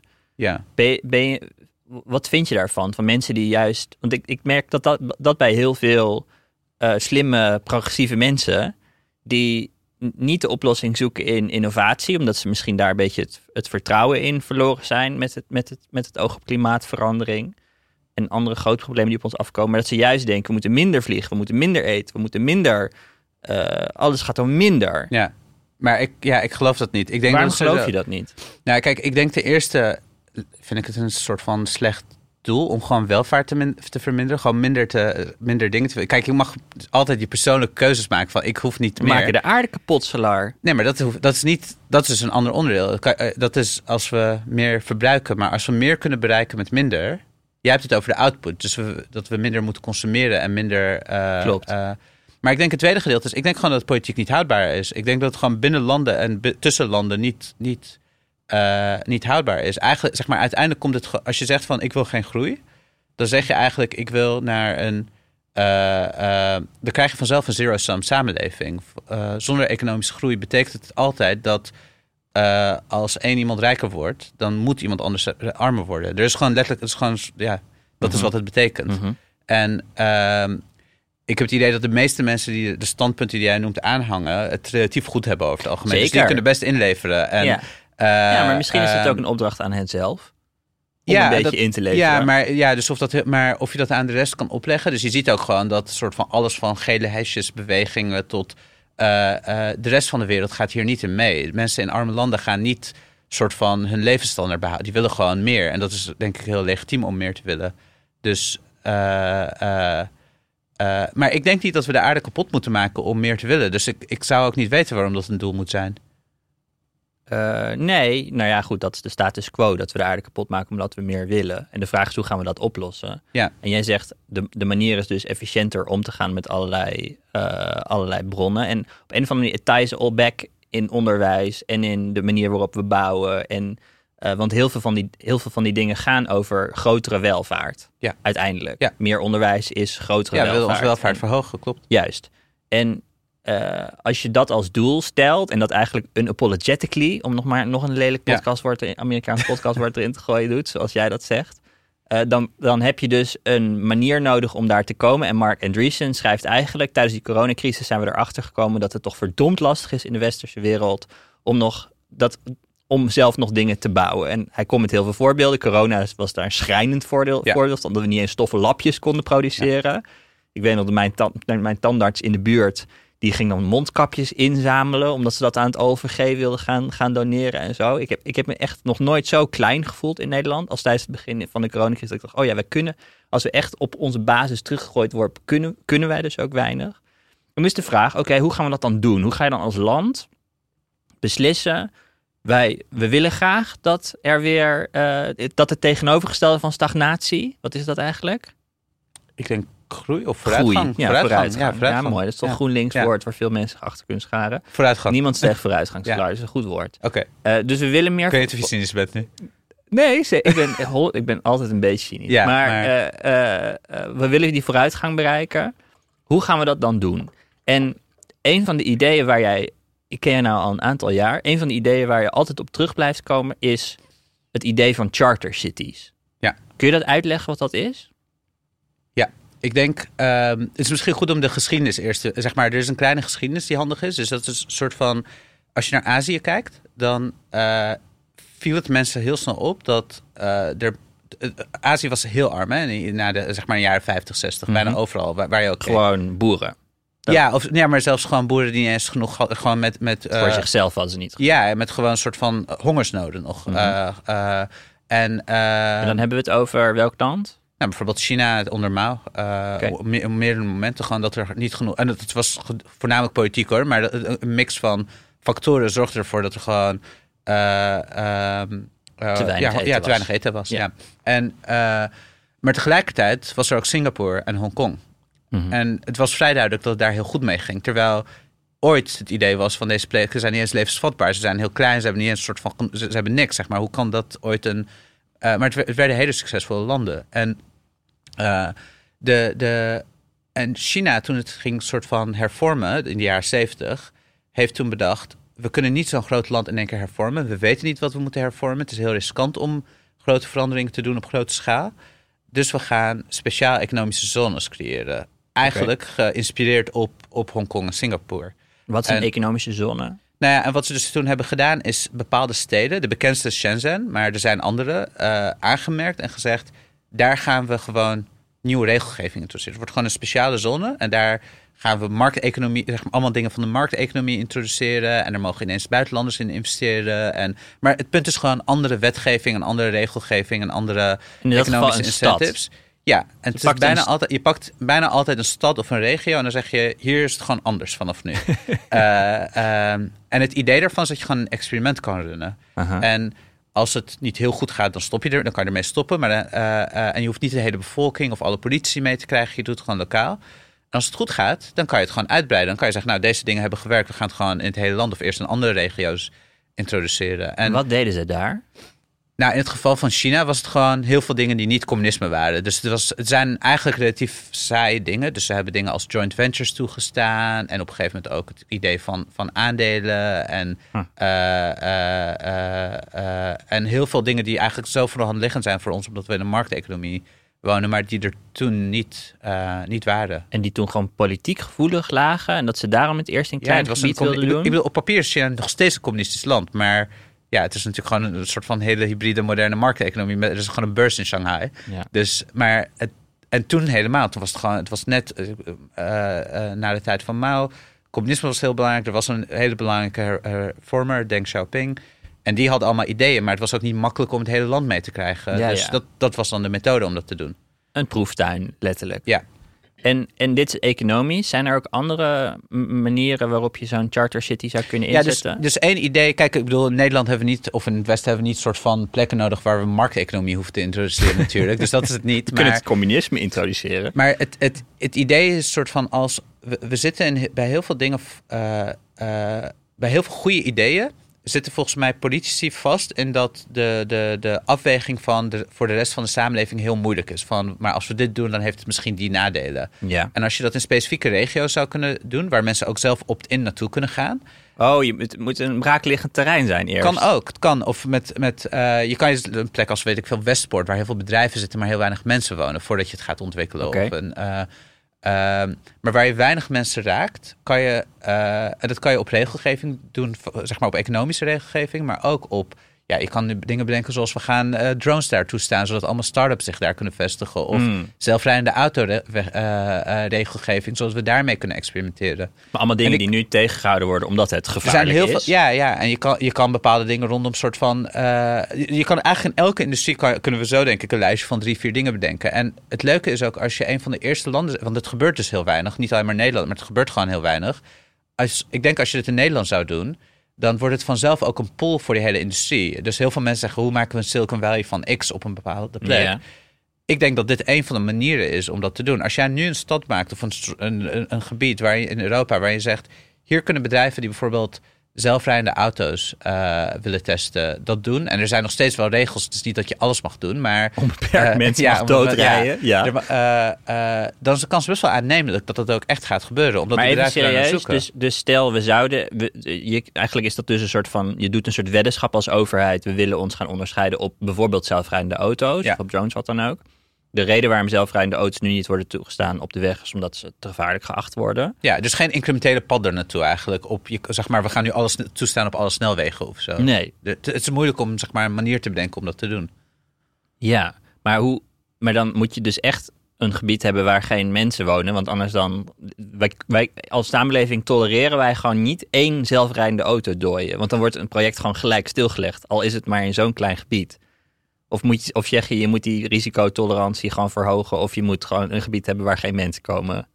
Ik vind dat dat middelste. Dus je moet de risico. Ik vind sowieso dat we onze risicotolerantie moeten verhogen. Ik Ja. denk dat we wel heel risicoavers zijn. Maar Ja. ik denk dat dit een beetje per land afhangt van waar, zeg maar, hoe extreem moet je gaan. Moet het echt een braakliggend terrein zijn waar niemand woont? Of mag het een relatief soort van eh, een afgebakend gebied zijn waar wel wat mensen wonen? Ik bedoel, dat, maar dat hangt denk ik een beetje. Dat, daar heb ik zeg, laten zeggen de politieke radar niet voor. Nee. Van wat je waar je wel mee, mee, eh, wat je wel voor elkaar kan Nee. krijgen. En, en dan zeg je dus eigenlijk, je kan verschillende economische modellen testen. Je kan eh, zorgen dat er minder regelgeving is, waardoor er meer ondernemerschap gaat Ja, ontstaan. niet per se minder. Hè. Soms is het juist gewoon überhaupt regelgeving. Dus er zijn heel veel dingen waarbij gewoon er geen regels zijn en er heel veel onzekerheid Hmm. is. Dus bijvoorbeeld, één voorbeeld wat hierop lijkt is Zwitserland. Die heeft zo'n kanton die heel beroemd is nu onder crypto mensen, Zoek. Waar die hebben gewoon als eerste gezegd, wij gaan gewoon duidelijke regels opstellen voor crypto. En Met alle betrekking tot de belasting ervan. Of, gewoon hoe het werkt. Van, eh, wordt het behandeld als, eh, als, als zeg maar een aandeel of als valuta? Hoe wordt het belast? Eh, maar ook gewoon van als bestuurder van een cryptobedrijf ga je niet naar de cel. Zeg maar Ja, gewoon een beetje zekerheid. maar de duidelijkheid van Gewoon duidelijk- regels ja, maakt ja, dat maar dat was een- meer, in principe is het meer regelgeving. Het is niet per se een soort van libertarische. eh, we laten alles los of zo. Ja. Ik denk dat bijvoorbeeld de- in, in, in bio tegen medicijnen en, en zelfrijdende auto's dat de behoefte is aan meer regel, gewoon duidelijke regelgeving. Hmm. Niet aan een soort van haal alles maar weg en we zien wel wat er gebeurt. Hmm. En wat zijn dan, want je zegt het gebeurt niet zo heel vaak, wat zijn dan succesvolle voorbeelden, afgezien dus van, eh, van Shenzhen? Ja, ik denk dat er niet zo heel veel zijn helaas. Dat is dus, eh Zoek is denk ik de crypto voorbeeld, maar Ja. ik vind dat niet heel interessant per se. Maar nee, eh, ehm, het is dus- meer een droom dus van, van mensen die veranderingsgezind zijn. Ja. En op een of andere manier niet er- bij politici. Nou kijk, er, er zijn, dus, er zijn twee versies, heel grof gezegd denk ik, van het Charter Cities idee. Wij hebben het nu over de versie van in het westen kleine soort van pockets, plekken maken waarin we kunnen experimenteren, maar e- met een innovatie die nog nooit eerder is geweest misschien. Ehm, de andere versie is, eh, waar ook heel veel mensen soort van mee bezig zijn, is in arme landen die heel veel problemen hebben, eh, charter cities maken die bijvoorbeeld gewoon meer westerse stijl wetgeving hebben. Dus dat lijkt eigenlijk meer op het Chinese model. Eh, in, in Honduras is nu zo'n experiment dat heet Prospera. En er zijn wat experimenten in, in Afrika. En Wat doen die dan? nou, die, die probeert dus gewoon een soort van. In sommige gevallen gaat het zover als gewoon zeggen: we gaan bijvoorbeeld een eh, Britse rechters of zo importeren, of Canadese rechters. en die gaan gewoon omdat soort van de rule of law daar zo problematisch is om Oh, gewoon corruptie te doorbreken. Eh, het ironische is dat in de praktijk dat deze deals allemaal tot meer corruptie hebben geleid. Dus het, is, het moet nog bewezen worden of dit model werkt. Maar het valt voor mij een beetje onder de categorie van goede intenties, maar niet per se nog hele goede uitkomsten. Om rechters in te vliegen bedoel je? Nou, om zeg maar in, in arme, corrupte landen proberen zones te maken die dat kunnen doorbreken. Ja. Ja, het is wel het is een, een typisch gedachtegoed, denk ik, of een typisch element aan dit, ja, toch een beetje Silicon Valley gedachtegoed, als ik zo vrij mag zijn, Ja. Ja. Om En daar schaar je mij nu onder natuurlijk, precies. wel een beetje, eh, eh, om, om te zeggen, we gaan niet eh, geld overmaken een van een goed doel in, in Afrika die waterputten gaat slaan, Ja. maar we gaan het concept van charter cities daar introduceren. Het, het maakt jou oprecht blijer dan een waterput slaan, toch? Dat, kun je toch, dat, dat kan ik wel Nou, ik zeggen. ben voor waterputten staan, want dat is een van bouwen die, me wel, niet- die ik wel waardeer. Oh ik ja, ben niet anti-waterputten. ja, dus voor de duidelijkheid. Ehm, maar, Maar- ben je daar zelf niet mee eens? Nou ja, in de schaarste van tijd, eh, waar ik denk dat dit gewoon in heel. ehm, dit is gewoon hoe ik jouw hoofd heb leren kennen. Dat je eerder, dat je, als je, dat je gewoon heel erg kijkt naar de schaarste van tijd en dan denkt op lange termijn, dat is met die zelfrijdende auto's in, in charter cities ehm, hetzelfde. Misschien dat er een soort van bij zelfrijdende auto's het risicotolerantie op de korte termijn verhogen om een betere situatie te krijgen op de lange termijn. Ja. En dan is de aanname dat zelfrijdende auto's goed zijn uiteindelijk voor onze welvaart, voor ons aller welvaart. En als het gaat over Afrika, dan is het de korte termijn eh, invloed van waterputten versus de lange termijn van het introduceren van een, ja, een soort van eh, eh, pro- proberen te stimuleren dat iets een economische vrijplaats wordt. Ja, maar het gaat, ik, ik vind economische vrijplaats klinkt een beetje... Ik weet niet precies wat voor beeld ik daarbij moet hebben. Maar ik denk de, de, eh, eh, de voorbeelden uit een soort van... in ieder geval het recente verleden is... je kan beter echte economische ontwikkelingen hebben. Dus dan Juist. kijk maar naar, naar Azië, de, de voorbeelden van Azië. Dus eh, China is denk ik een soort van succesvol... met alles wat er mis is in China voor de duidelijkheid. Ik ben geen soort van fan van wat er nu speelt of zo, maar... Eh, er zijn gewoon honderden miljoenen mensen uit echt absolute armoede. Gewoon waarbij dus de vraag was elke eh, winter is er eten voor ons. Ja. Naar gewoon een, norma- een middenklasse die Ja. een soort van met... Ja, met precies. eh, nou, dat, dat Maar vind ik, ik, heel goed. ik ken weinig goede doelen die, die dit proberen te... Nou ja, ding is dus ook van dat kan je dus niet echt bereiken zonder een soort van vrij structurele hervormingen. Mhm. En er zijn goede doelen die dat hebben geprobeerd te bereiken. Gewoon een soort van echt, ja, ik, ik weet een soort van lobbyen of. of Eh, maar dat lijkt ook heel moeilijk te zijn. En de, de, dus een andere poging is zeggen: wat als we proberen kleinere regio's te maken waarin dat wel zou kunnen? En nogmaals, het is dus niet gelukt. Ik ben, maar ik ben wel sympathiek naar dit idee. Ja. En Waar zou je ja. doen als je het in Nederland, als je nu premier van ons land zou zijn, of je, je hebt het oor van de premier, waar, waar zou je het willen? Waar, moet Twente? Nou, ja, ik denk als je een andere regio Groningen? Kijk, ik heb zelf niet het doel om re- regio's Nee, toch te leuk. Maar als je dat wil, dan zou ik inderdaad zeggen... Ik, ik weet het niet, Groningen misschien als deal voor meer gas? Meer- Ik weet het niet. ik, ik heb echt geen idee. Nee, maar ik denk inderdaad dat je plekken Maar je zou er wel. Randstad, eh, maar- als je die wil stimuleren... dan denk ik wel dat eh, dit soort... eh, ehm, eh, dit soort beleid heel veel kan, kan helpen, ja. En, en ik, heb, ik, heb- ik heb ook wel eens gedacht, als je bijvoorbeeld zou, zou binnen de overheid, er zijn heel veel mensen die werken binnen de overheid, alleen al binnen de Belastingdienst bijvoorbeeld.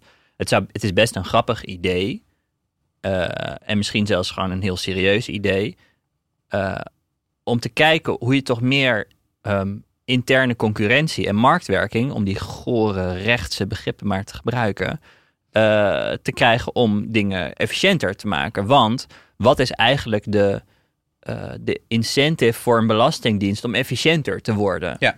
Want wat jij beschrijft over IT-projecten of over, over de bouw, zijn hele vreemde eh, dingen om zomaar als maatschappij te accepteren. Want de overheid werkt voor ons met ons geld. En het, een belastingdienst heeft, ik volgens mij werken er 30.000 mensen, misschien nog wel meer. Eh, met IT-systemen die niet een uitkering kunnen doen Ja. aan toeslagaffaire ouders op het moment dat dat nodig is. De, meest simpele dingen z- zitten in hele ingewikkelde systemen.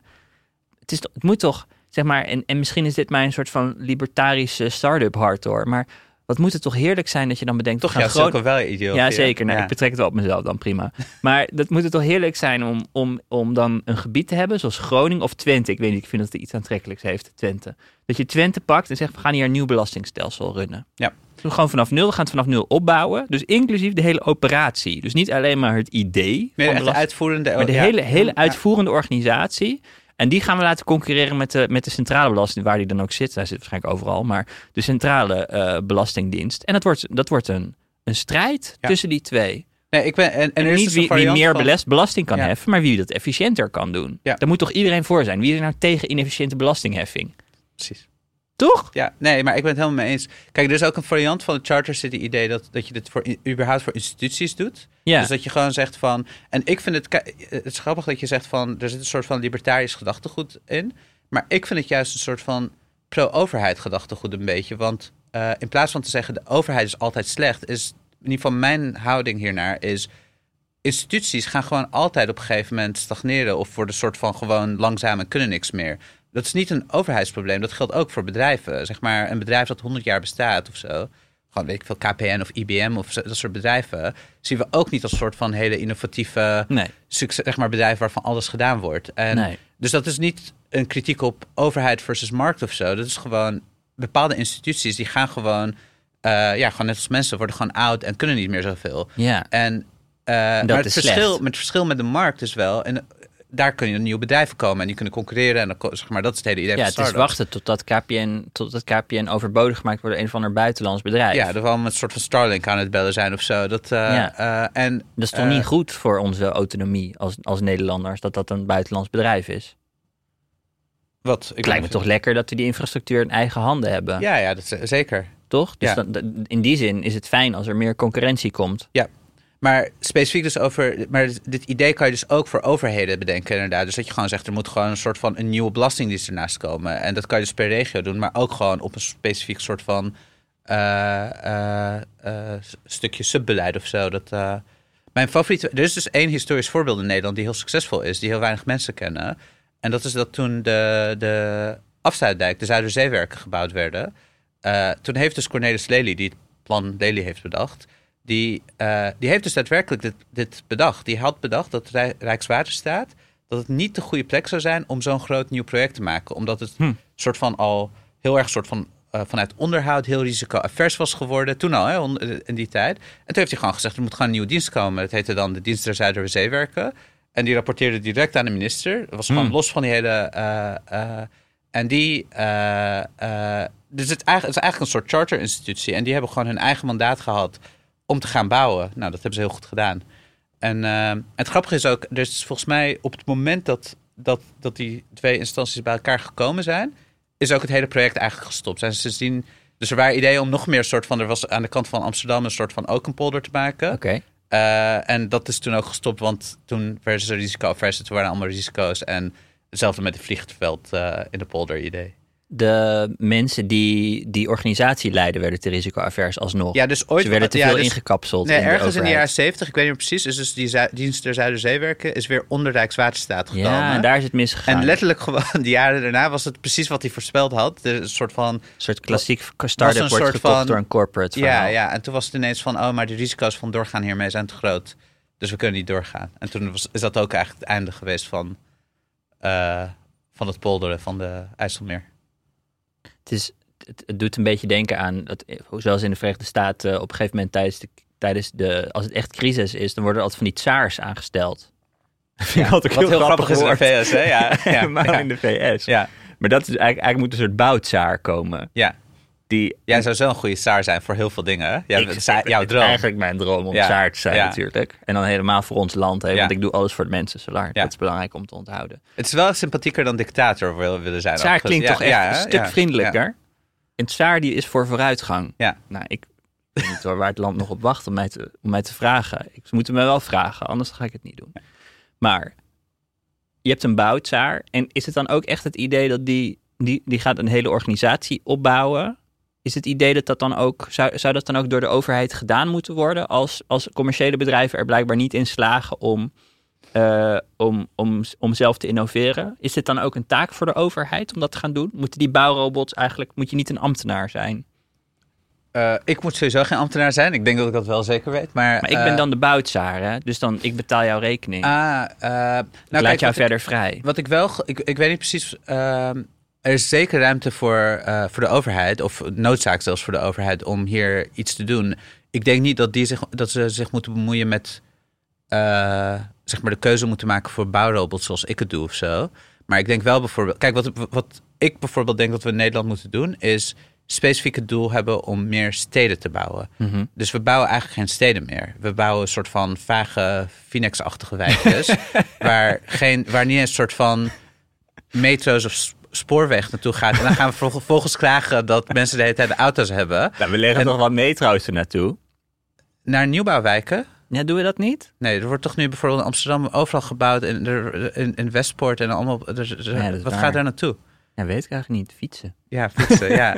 Nee, maar dus eh, eh, ik denk dat, eh, en volgens mij is, is het duidelijk, zeg maar, elke soort van marktsignaal die je kan uitlezen, is dat mensen, niet iedereen, maar heel veel mensen willen gewoon in een stad wonen, de vibe van een stad hebben. Ja. En onze steden zijn schaars. Zeg maar, we hebben helemaal niet zoveel steden. En die zitten vol. En je kan ze niet, zeg maar, je kan niet het centrum van Amsterdam meer gaan bouwen. Dat Nee. is wel gewoon echt vol. Ja. Maar het is niet zo dat het land vol zit. Je kan gewoon een paar steden erbij bouwen. En het is niet dat je daarmee ook het hele land vol bebouwt. Oké, Steden hebben ook een hogere dichtheid. zoals Almere. Ja, ik hoop wel wat mooier. Maar Almere is de laatste stad die Nederland heeft gebouwd. Dat is wel, ja. En, en het, het voordeel van een nieuwe stad bouwen is dat je... Je kan ook gewoon de infrastructuur doortrekken uit een bestaande stad, toch? Dat maakt dan toch niet zo heel veel uit. Waarom moet het een nieuwe stad zijn? Omdat ik denk dat mensen in een stad willen bouwen. En steden hebben gewoon heel veel voordelen. Gewoon de hogere dichtheid, de, de, de ja, dat heet dan agglomeratie-effecten. Van, de, zeg maar, van dat je dan, dan bedrijven zich daar gaan vestigen. Er zal zich nooit een bedrijf midden in een Phoenix-wijkje vestigen. Dus je hebt bepaalde dichtheden nodig om een bepaald type economie te ontwikkelen. Oké, dus de overheid moet ervoor zorgen dat er meer steden gebouwd worden of aan steden gebouwd wordt, maar dat dat dan wel een eh, gevoel krijgt van een nieuwe stad, dus met een eigen centrum en met zijn ja, eigen. bijvoorbeeld. Ja. Dus de dynamiek van een stad moet gewoon Ja. voelbaar zijn. Of dat nou aan En de stad. infrastructuur die erbij hoort. Juist. Ja. Ja, dat, is, hoort, dat hoort bij die dynamiek, denk ik, of een veroorzaker van die dynamiek. Maar, maar maakt het dan ook dat de overheid zelf die bouwers in dienst moet nemen, bijvoorbeeld? Ik zit te denken hoe communistisch jij nou eigenlijk wil dat dit allemaal wordt. Ik wil niet dat het heel communistisch wordt. Ik denk niet dat de overheid dat eh, soort van zelf... Dat eh, niet. Nee, dat, ja, maar dat, heeft die niet. dijken, die zijn gebouwd, of die, die, die afsluitdijk is toch gebouwd door ambtenaren, toch? Nou, ze hebben... Het is niet... Nee, de- publiek-private samenwerking. Eh, dat is een goede vraag. Ik weet niet precies hoe het. eh nee, er, zijn- er hebben altijd private bedrijven bij gewerkt. Zeg maar, de, de, de, de, eh, maar het is wel zo dat het is wel meer privaat geworden de afgelopen twee, drie decennia. Ook met de Delta-werken bijvoorbeeld. Maar ik dacht Eh, even dat- zoals jij het zei, dat het, dat het echt, het is een nieuwe tak binnen de overheid. En dat die ook echt het, het bouwen deden. Maar wat dus, wat zo bijzonder was aan die, aan die deltawerken, zeg je dus, valt dat eronder, de deltawerken? Nee, dat is wel echt een los Oh, project. Sorry. Dus ja, de, dat de ja. afsluitdijk. Ja.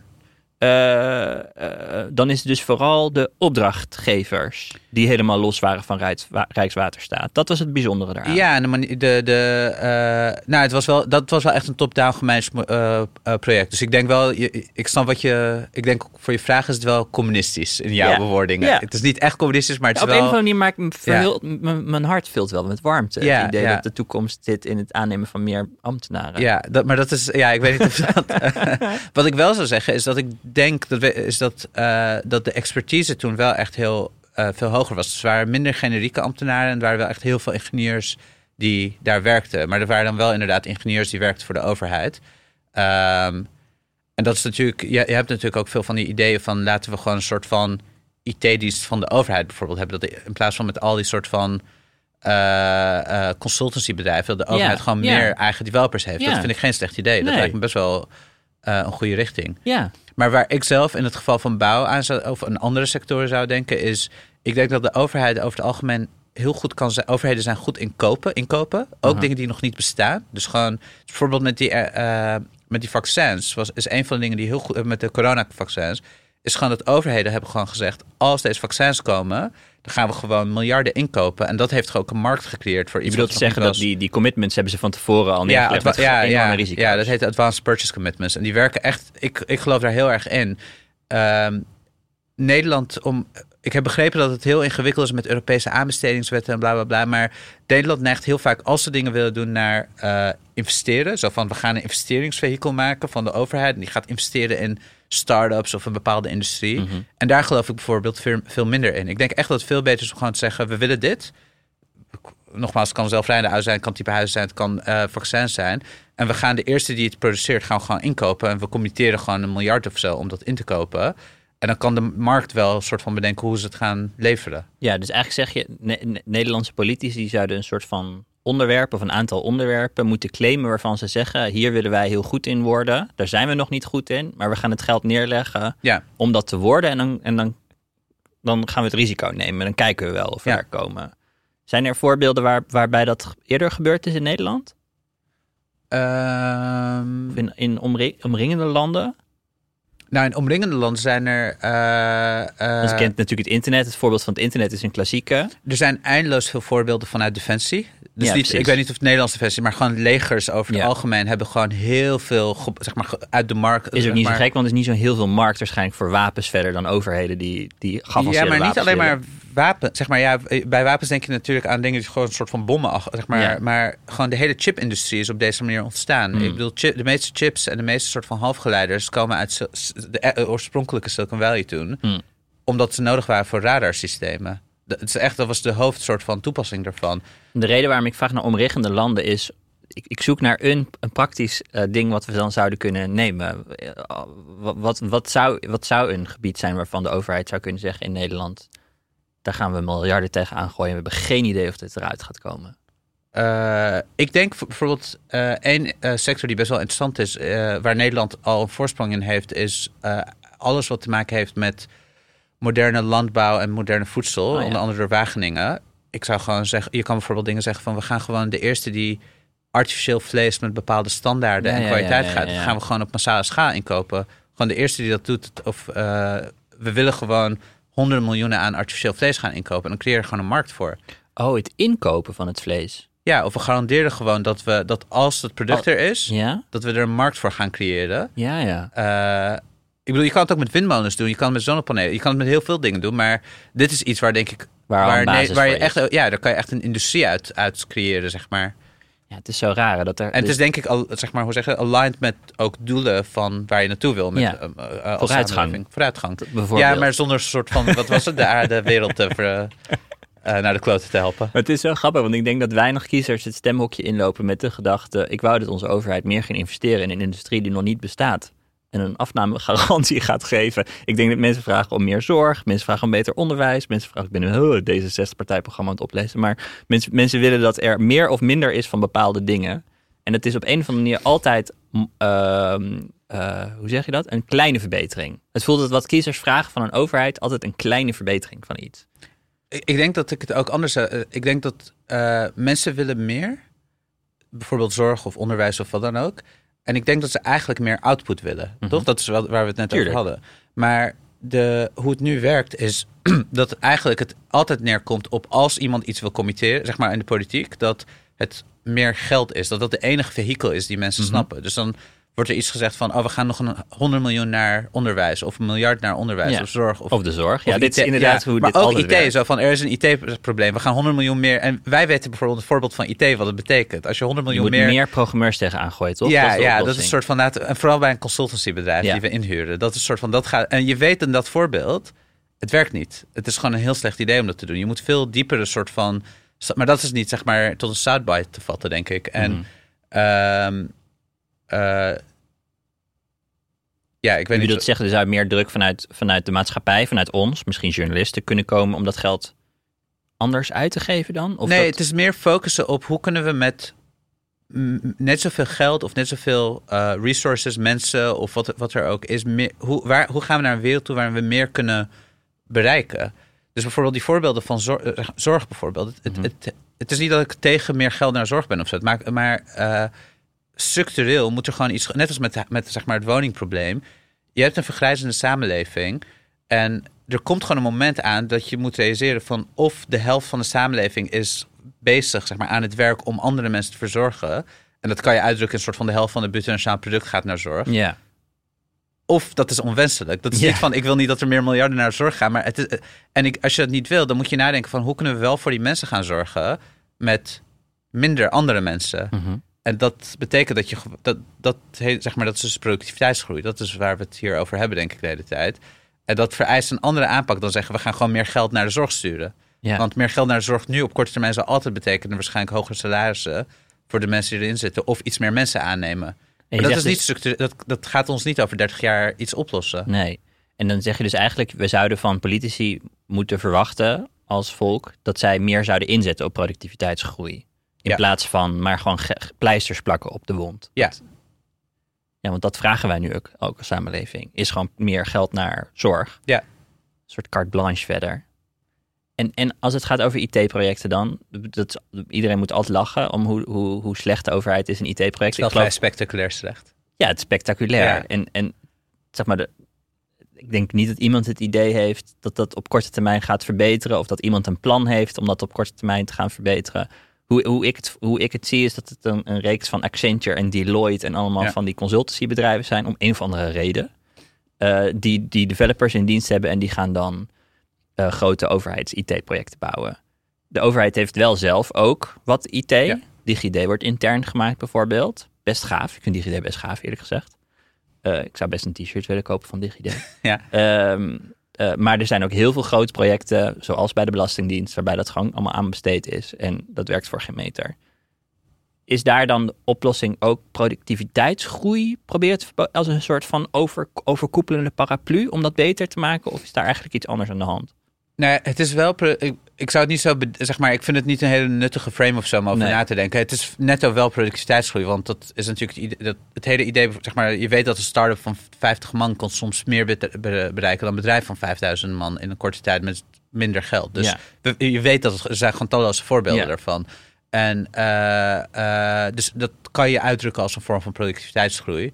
Maar ehm, ik weet niet of dat heel nuttig is om er zo over na Wat te is denken. dan wel nuttige vraag als het gaat over overheid-IT? Nou ja, hoe krijgen we gewoon eh, shit gebouwd, toch? Dat is gewoon de, de fundamentele vraag is hoe krijgen we eh, dingen eh, eh, op goede manier met niet te veel mensen en niet de, de soort van die megacost overruns. Ja. eh, De eh, afsluitdijk onder de IT-projecten. De afsluiting, ja, ja, Ja. mooi, mooi. Eh, ehm, en ja, ik, eh, ik heb geen andere tools dan de start. Zeg maar, dat is wel, daar ben ik wel gewoon een soort van de, de, de start-up aanpak van heel erg focussen op de kwaliteit van de mensen. Ehm, op een bijna soort van religieuze manier is, is voor zover ik weet de enige manier waarop je dat kan doen.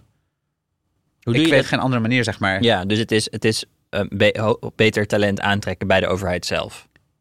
En ik denk dat je daarvoor bijna opnieuw moet beginnen. Zeg maar dat, je dus, dat is echt een voorbeeld waarin ik zou zeggen: dan moet je echt Ja. een nieuwe soort van, eh, eh, ik weet niet, instantie, instituut, eh, iets oprichten. Omdat dat, dat weet je denk ik ook van, zeg maar, van, ja, je- wat jij ook wel weet van startups, is je hoeft maar echt een paar mensen te hebben die heel matig zijn. En goede mensen hebben gewoon geen zin meer om daarmee samen te werken. Dus het is niet eens, ik geloof helemaal niet dat je bijvoorbeeld echt extra, extravagante salarissen moet betalen of. Eh, en dat zag je bijvoorbeeld bij zo'n project zoals het coronamelderproject. Mhm. Iedereen, zeg maar, allemaal mensen, daar werden mensen dan bij, zeg maar, eh, daar was ik ook een, be- een beetje bij betrokken, maar er werden allemaal mensen buiten de, de, de overheid bij betrokken. Ja, En iedereen wilde heel graag helpen. ja, Er was bijna meer mensen die zeiden, hoe kan ik helpen, dan dat soort van... eh, en ook gewoon mensen die, die uit de wereld komen waar heel veel geld is, maar dat interesseerde echt niemand. Dat, Ja. dus ik denk dat mensen echt heel graag ook willen helpen. En dat was eigenlijk een heel hoopgevend project eigenlijk. er zat een heel zag- hoopgevend element in, zeker. En, eh, eh, en ik denk ook dat voor zover er de, die mensen zeg maar frustraties voelden, eh, dat dat voornamelijk is als je het gevoel had dat je niet je team onder controle had. Dat je dus toch moest samenwerken met allemaal departementen en divisies. En, dus dat, dat is denk ik wel een, een heel belangrijk onderdeel om dit probleem op te lossen.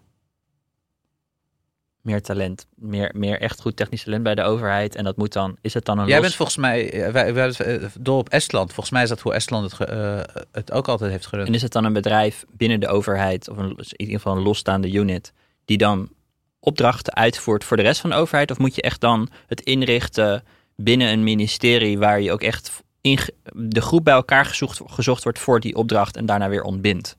Zoals bij de afsluitdijk. Volgens mij, dat, dat is een goede vraag. Volgens mij, in het geval van Estland, maar is het een soort CTO, zeg maar een permanente organisatie Ja. die die mensen eh, eh, heeft. Ja. Ehm, Dus het is echt een techbedrijf binnen de overheid. ja. En die gaat dan een nieuw systeem voor de Belastingdienst maken. Ja, al kan ik me voorstellen, ik weet het eigenlijk niet. In het geval van de Belastingdienst, dat je ook gewoon echt een permanent in-house team van, van dat kaliber wil. Omdat het gewoon een Ja, lang loopt. Ja, het is ook denk ik niet iets wat afloopt. Er zullen altijd elke paar jaar nieuwe wetten zijn en nieuwe dingen. En dus je moet het ook. eh, en je wil niet dus dat het opgeleverd wordt en dat het dan wel weer naar de consultancies gaat. Zo van gaan jullie het maar onderhouden. Dat is waarschijnlijk ook geen goed idee. Ja. Hoe, hoe doe je dat zelf eigenlijk binnen je eigen bedrijf? Om, om, want je, je hebt eerder een bedrijf gehad, je bent nu opnieuw een team aan het opbouwen. Hoe, je zegt als er een paar middelmatige mensen tussen zitten, dan is dat gelijk echt, echt problematisch voor het hele bedrijf en voor de cultuur.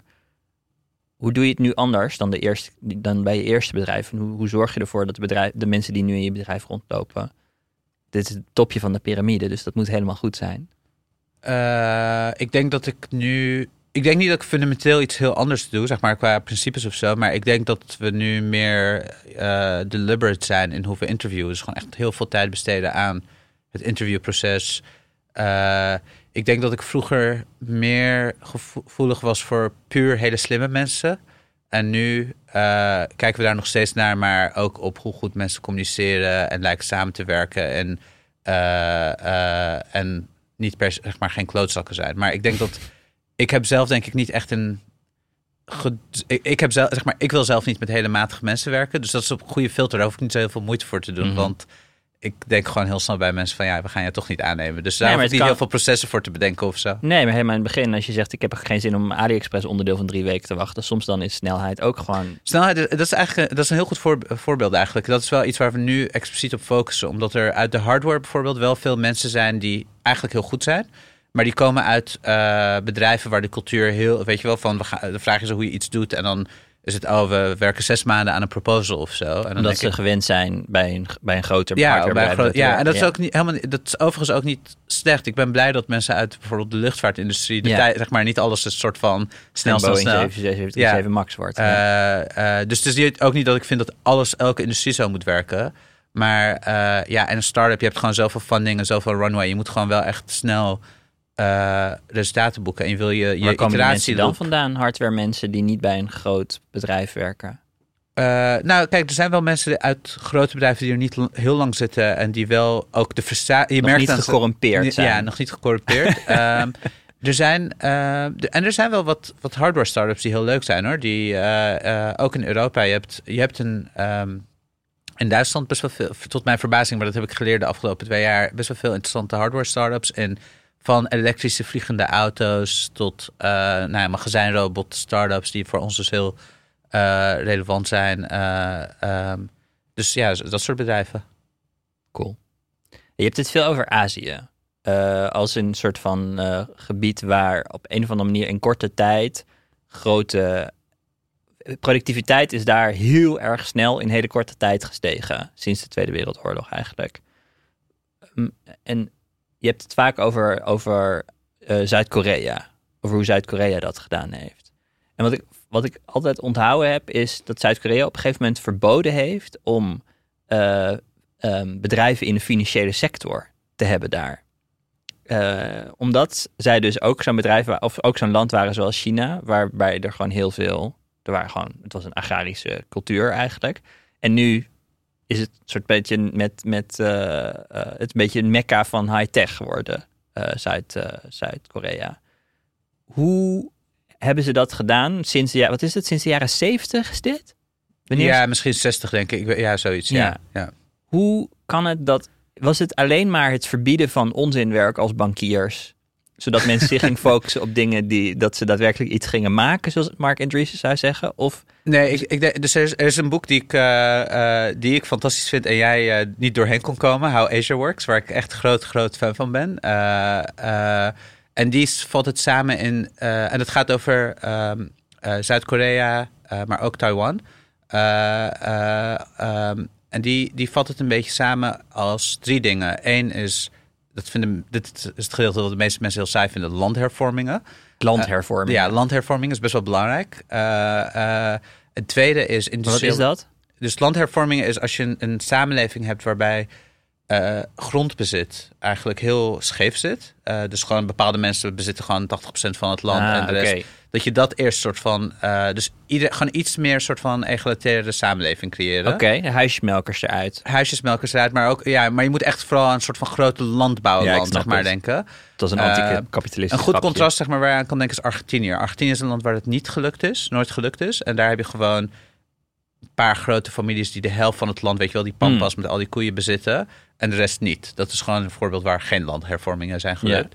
Uh, in Azië is een voor, ander voorbeeld is de Filipijnen, waar het wel heel vaak is geprobeerd, maar ook niet is gelukt. Maar dat moet je doen om de oneven, het onevenwichtigheid in de economie te corrigeren. Ja, er zijn allemaal soort van theorieën waarom het belangrijk is. Onevenwichtigheid, maar ook dat soort van het bezit, dat als iedereen een beetje land bezit, dan ga je eerst beginnen met dat de productiviteit van het land wat je zelf bezit, ja. is hoger. Tuurlijk. Ja, dus je gaat harder werken voor, je, voor jezelf. Dat is gewoon dat is een heel kapitalistisch idee, maar het lijkt te werken. Ja. En uh, uh, dat je daarmee een samenleving kan creëren waarbij dus uh, surplus creëert. Dus, uh, dus meer dan wat, we, wat je hmm. nodig hebt. En dat is hoe je eigenlijk een hele arme economie opstart. Want je begint altijd met: we hebben meer eten dan we nodig hebben. Nu kunnen, we, nu kunnen een paar mensen andere dingen gaan doen. En die kunnen machines gaan maken. Als en dat je, is omdat mensen harder voor zichzelf werken dan dat ze voor een werkgever werken. Ja, een soort van in een semi-slaaf situatie voor Ja. iemand anders een land. En eh, je bent eh, de hele dag aan het rijst aan het verbouwen en het wordt afgepakt. Dan Ja, ga je niet heel hard werken. Dat Precies. motiveert niet, Nee. Dat is de les. Oké, dat is één.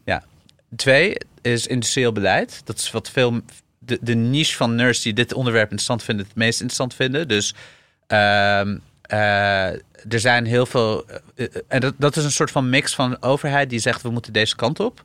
En de private industrie die het doet. Dus Zuid-Korea, er zit vol met zeg maar, de beroemde bedrijven, Samsung en Hyundai en zo. Die, maar ook Daewoo, zeg maar de wat minder. die, die zijn echt gepusht in de jaren 60, 70, 80 om gewoon specifieke industrieën. Zo van jullie gaan nu scheeps bouwen, schepen bouwen. Jullie gaan nu staal produceren. Jullie gaan nu auto's maken. Want wat deden ze daarvoor dan? Hoe zijn die bedrijven dan begonnen? Eh, ja, dat verschilt per bedrijf. Ik geloof dat Samsung probeerde te concurreren met eh, goedkope transistorradio's met, eh, met Japan en zo. Dat, dat soort, ja, ja. wel, al, wel elektronica. In sommige gevallen hoor. Dat, vers- volgens mij verschilt het per bedrijf. Ik weet, ik weet niet uit mijn hoofd wat elk bedrijf toen goed, deed. heel maar ander begin in ieder geval dan de bedrijven die het geworden Ja, zijn. ja. En dat komt omdat de overheid De zei... overheid heeft echt en nu schepen. gepikt. Ja, ja, die heeft echt gezegd van een soort van we willen deze. Eh, eh, er zitten ook een soort van allerlei best wel bijzondere episodes in van dat gewoon de CEO's van de soort topbedrijven gewoon gevangen genomen zijn om een punt te maken van jullie gaan doen wat we willen. Dus het is, niet een, het is niet een soort van heel mooi democratisch verhaal. Nee, nee, nee, nee, dit, hè. nee. Dat is, eh, ja, en, er, en dit was niet innovatie in de zin waar we het net over hadden van zelfrijdende auto's, maar dit, is, dit heet dan catch-up innovatie. Dus dat waren dingen die de rest van de wereld al deed. ja, ja. Maar het is van, we willen niet vastkomen te zitten als een een of andere eh, commodity producer. Zeg maar een, land die alleen maar grondstoffen exporteert. Wij willen zelf waarde toevoegen. En er is een soort van keten die heel veel landen dan proberen af te lopen van basischemie en eh, ja, soms textiel. En dan ga je een soort van eh, witgoed produceren wat makkelijker is dan complexe com- eh, elektronica. Maar goed, het is geëindigd in de top van zeg maar, de industrie op dit moment is, is halfgeleiders. Nou, zowel Taiwan als Korea hebben dat ook vrij succesvol eh, bereikt. Eh, dus dat, dat is een soort van pad die best wel bewust is afgelopen. Of af, eh, ja, eh, ehm, eh, en dat is wat industrieel beleid doet. En een belangrijk onderdeel daarvan, wat ik wel interessant vind, is dat het heel erg exportgedreven is. Mhm. Omdat het idee is dat dat een van de weinige signalen is die je niet kan faken als, als bedrijf. Dus bedrijven hebben altijd, zeg maar, als je wat voor incentive systeem, investering of wat dan ook, dan ga je meteen bedenken hoe kan ik hier gebruik van maken. En de overheid, zeg maar, geld van de overheid misbruiken. Maar export is een van de dingen die, die, je niet echt kan eh, faken. Want ja, als je dus verteld wordt, je bent een Koreaans bedrijf en je enige manier waarop je leningen krijgt om verder te groeien of is je moet verkopen aan Europeanen of Amerikanen. Ja, de Europeanen en Amerikanen gaan alleen maar in principe goede producten kopen. Waarom zouden ze een Koreaans product kopen zomaar? Ja, en dat, ja. dwingt, dat dwingt je dus om je standaarden te verhogen. eh, en het pusht je industrie heel erg vooruit, zeg maar. Als ik het goed heb onthouden, dan was het ook eerst naar binnen gericht om de markt een beetje op te bouwen. Dus was je export juist verboden. Heb ik dat goed onthouden? Eh, nee, volgens mij niet hoor. Volgens mij is het juist vanaf het af aan- gelijk op export. Ja, ja, en dat, dat, is, dat is best. Dus is een, ik vind het een, een grappig voorbeeld. Is dat sommige landen hebben het omgekeerde geprobeerd. Dus inderdaad binnengericht te doen. Dus ze zeggen we gaan import verbieden. En we gaan daarmee een- een in-house Juist, industrie creëren. Eh Maleisië heeft dat bijvoorbeeld geprobeerd. Ja, ja. En ehm, wat je dan bijvoorbeeld krijgt. Maar dan gaat is, gewoon de standaard omlaag, want dan vinden Precies. mensen een Lada prima. Ja, dan, dan maak je dus een auto. Er zijn geen alternatieven. Ja. En dan, ja, die auto is gewoon goed. En er is ook geen druk om het heel erg te verbeteren. Juist. En terwijl bijvoorbeeld eh, in de jaren tachtig moesten Koreaanse bedrijven, terwijl helemaal geen standaarden in Korea hieromheen eh, waren, dingen als ABS en autoriemen gaan introduceren, omdat ze anders niet meer in de Europese en Amerikaanse markt iets konden doen. Ja. En dat heeft dus hun industrie gedwongen om mee te gaan, veel verder dan wat toen nodig was in hun eigen land.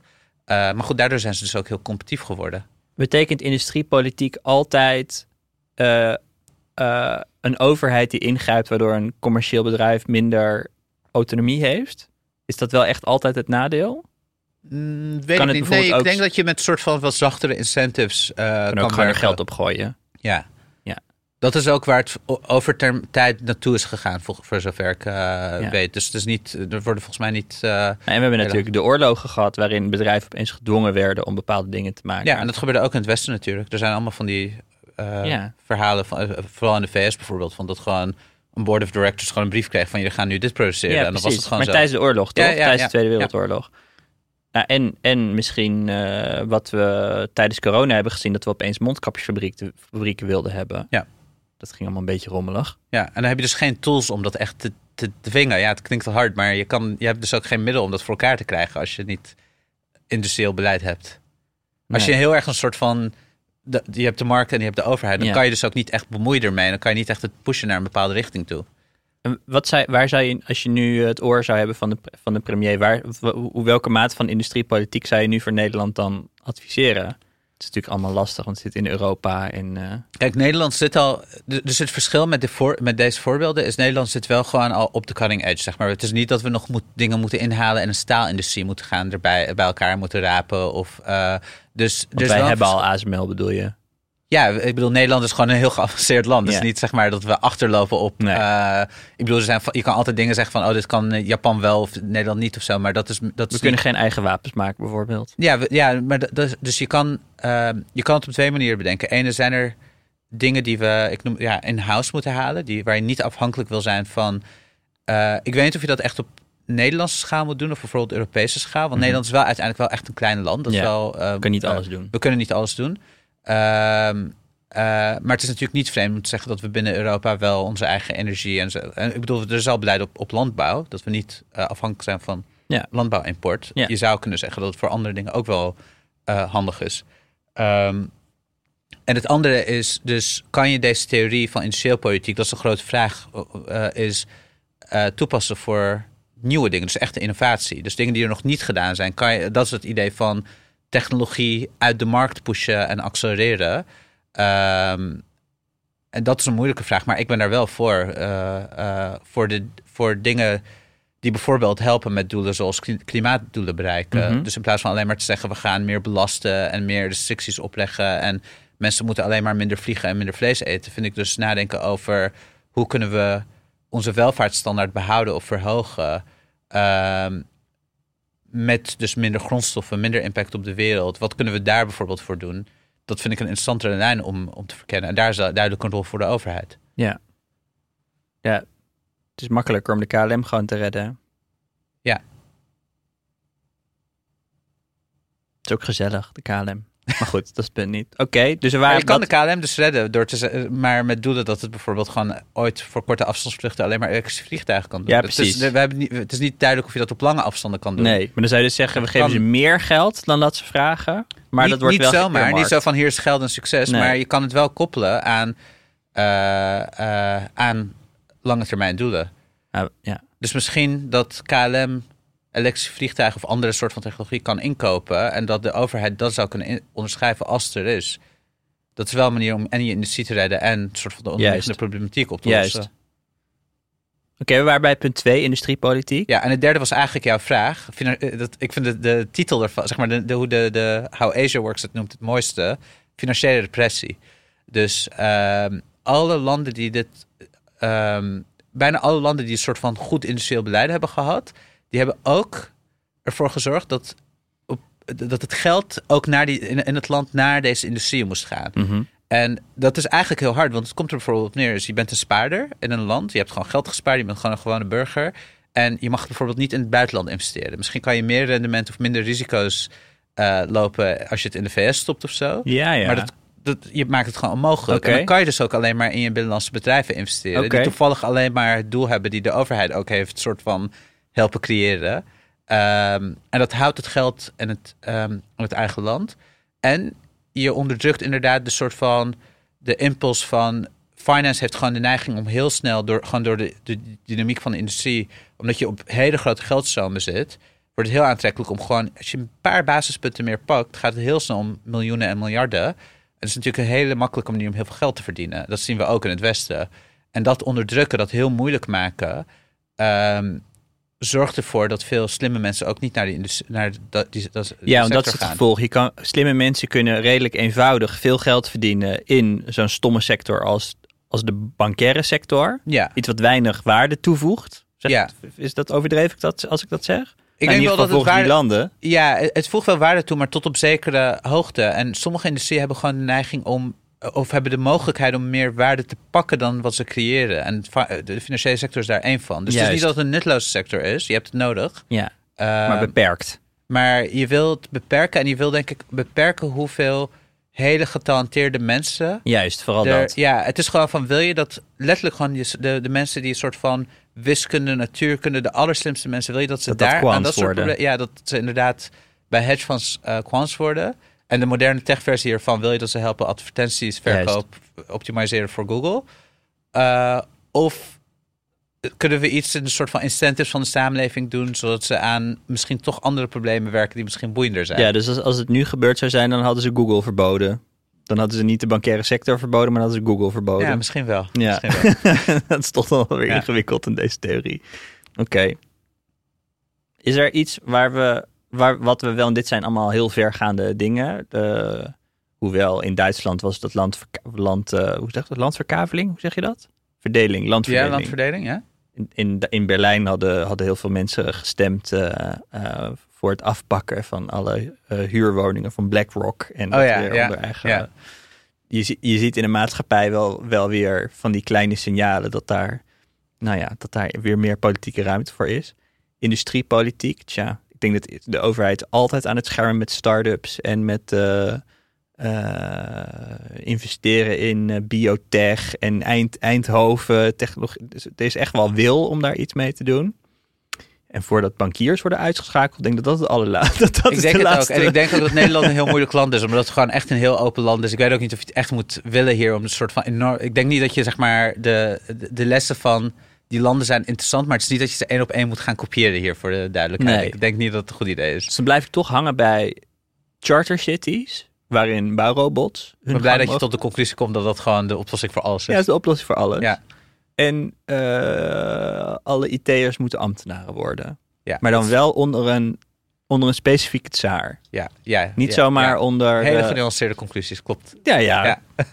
Ik vat het gewoon even samen. Zijn er dingen dan wel in Nederland, want dit is ook, ik, ik, in, in de context van corona en zo ben ik er ook snel al een beetje pessimistisch over. In, in de uitvoeringsinstanties in Nederland die het niet lukt om toeslagenaffaire ouders geld uit te keren omdat de? Ja, ICT-systemen ja. niet klaar voor zijn. Ik word van dat soort de, in, de, in de traagheid van infrastructurele projecten en het gebrek aan, aan durf om grote projecten. Ik word altijd, ik word ook een beetje, ik hou van ons land hoor, maar ik word af en toe ook een beetje eh, verdrietig van. Wa- wa- wat is nou juist, om toch met een positieve noot te eindigen, wat is nou juist iets waarvan je denkt dat we als Nederlanders daar juist trotser op zouden moeten zijn dan dat we, dan dat we zijn? Nou, ik denk de voorbeelden, wat voorbeelden die ik noemde, ik, ik, Nederlanders zijn wel trots op soort van alles wat, zeg maar, alles rondom de, de eh, Delta werken. En Ik bedoel, alles, elk soort van nieuw plan heet ook het Delta-plan, geloof ik. Als soort van, omdat het zo van, dat was, ja, ja, dus, eh, eh, dus het is niet dat het trots er niet is, maar ik denk eigenlijk dat het nog steeds, het verbaast me soms hoe weinig mensen eigenlijk weten hoe bijzonder alles, zeg maar, alles is wat Nederland daar heeft gedaan. En het voelt voor mij altijd als een hele, ehm, ook super relevant nu of zo. Omdat het juist lijkt op de problemen die we nu in de komende eeuw gaan hebben. Zeg maar, klimaatproblemen zijn een mix van overheid, technologie, eh, op grote schaal soort van bereiken. Dat is gewoon eigenlijk voor mij de les van zowel de, eh, eh, de Zuiderzeewerken als de Deltawerken. Dus het is wel iets waar Nederlanders wel trots op zijn. Het is niet onbekend of zo, Nee. maar ik denk wel te weinig of zo. Of niet precies zich realiseren van hoe controversieel het af en toe was, hoe het precies zo, zeg maar, We nemen te veel voor granted. Ehm, ja, ja, misschien wel. Ehm, en ja, nou ja, goed. Ik denk dat ik Meer denk dus dat- heroïsche films meer over de heroïsche Delta films. Ja, Delta ja, ja, en over de individuen daarachter en eh, en de strijden, zeg maar, de, de moeilijke soort van beslissingen die toen gemaakt zijn, die helemaal niet. Nu is het soort van er zijn gewoon dingen gebeurd, maar het was toen helemaal niet zo duidelijk dat de afsluitdijk moest komen, dat het Deltawerk gebouwd moest worden. Hmm. Eh, er waren alternatieve plannen om te- dingen heel anders te doen. Met heel veel kleine dijkjes overal en zo. Dat, het was niet soort van, dit is de enige optie. Ehm, en het grappige is dat heel veel mensen nu bijvoorbeeld in de overheid zeggen... ja, maar we zijn een poldersamenleving. Maar de deltawerken zijn een voorbeeld van niet polderen. Het was niet meer allemaal kleine waterschapjes die zelf iets gingen beslissen. Het was, we gaan als land, het is gewoon een grote existentiële crisis. We gaan als land soort van echt significante procent van de, onze bruto nationaal product per jaar uitgeven om dit probleem op te lossen op massale schaal. En het heeft gewerkt. Had je het hier vroeger, toen je kleiner was aan de keukentafel, ook over dit soort dingen? Ehm, nou, wel over politiek en grote thema's, niet over de deltawerk. Maar waar, waar komt dit vandaan eigenlijk? Deze soort van, deze, dit, dit, dit, dit, deze fascinatie voor, voor ja, het is, het is wel echt hoog over, zou je kunnen zeggen. Maar jij, jij Eh, leest ook denk- niet de krant, hè? Nee, ik Weet je wat er gebeurd is bij, eh, noem eens even iets actueels. Dat, eh, wat er bij Talpa is gebeurd recentelijk. Nee, dat weet ik echt heel slecht. Ja, dat is geen voor- idee. Ja, ik weet wat er iets is gebeurd. Ik weet, ja. In plaats daarvan lees jij boeken. Dat is ook heel, dat is ook heel fijn.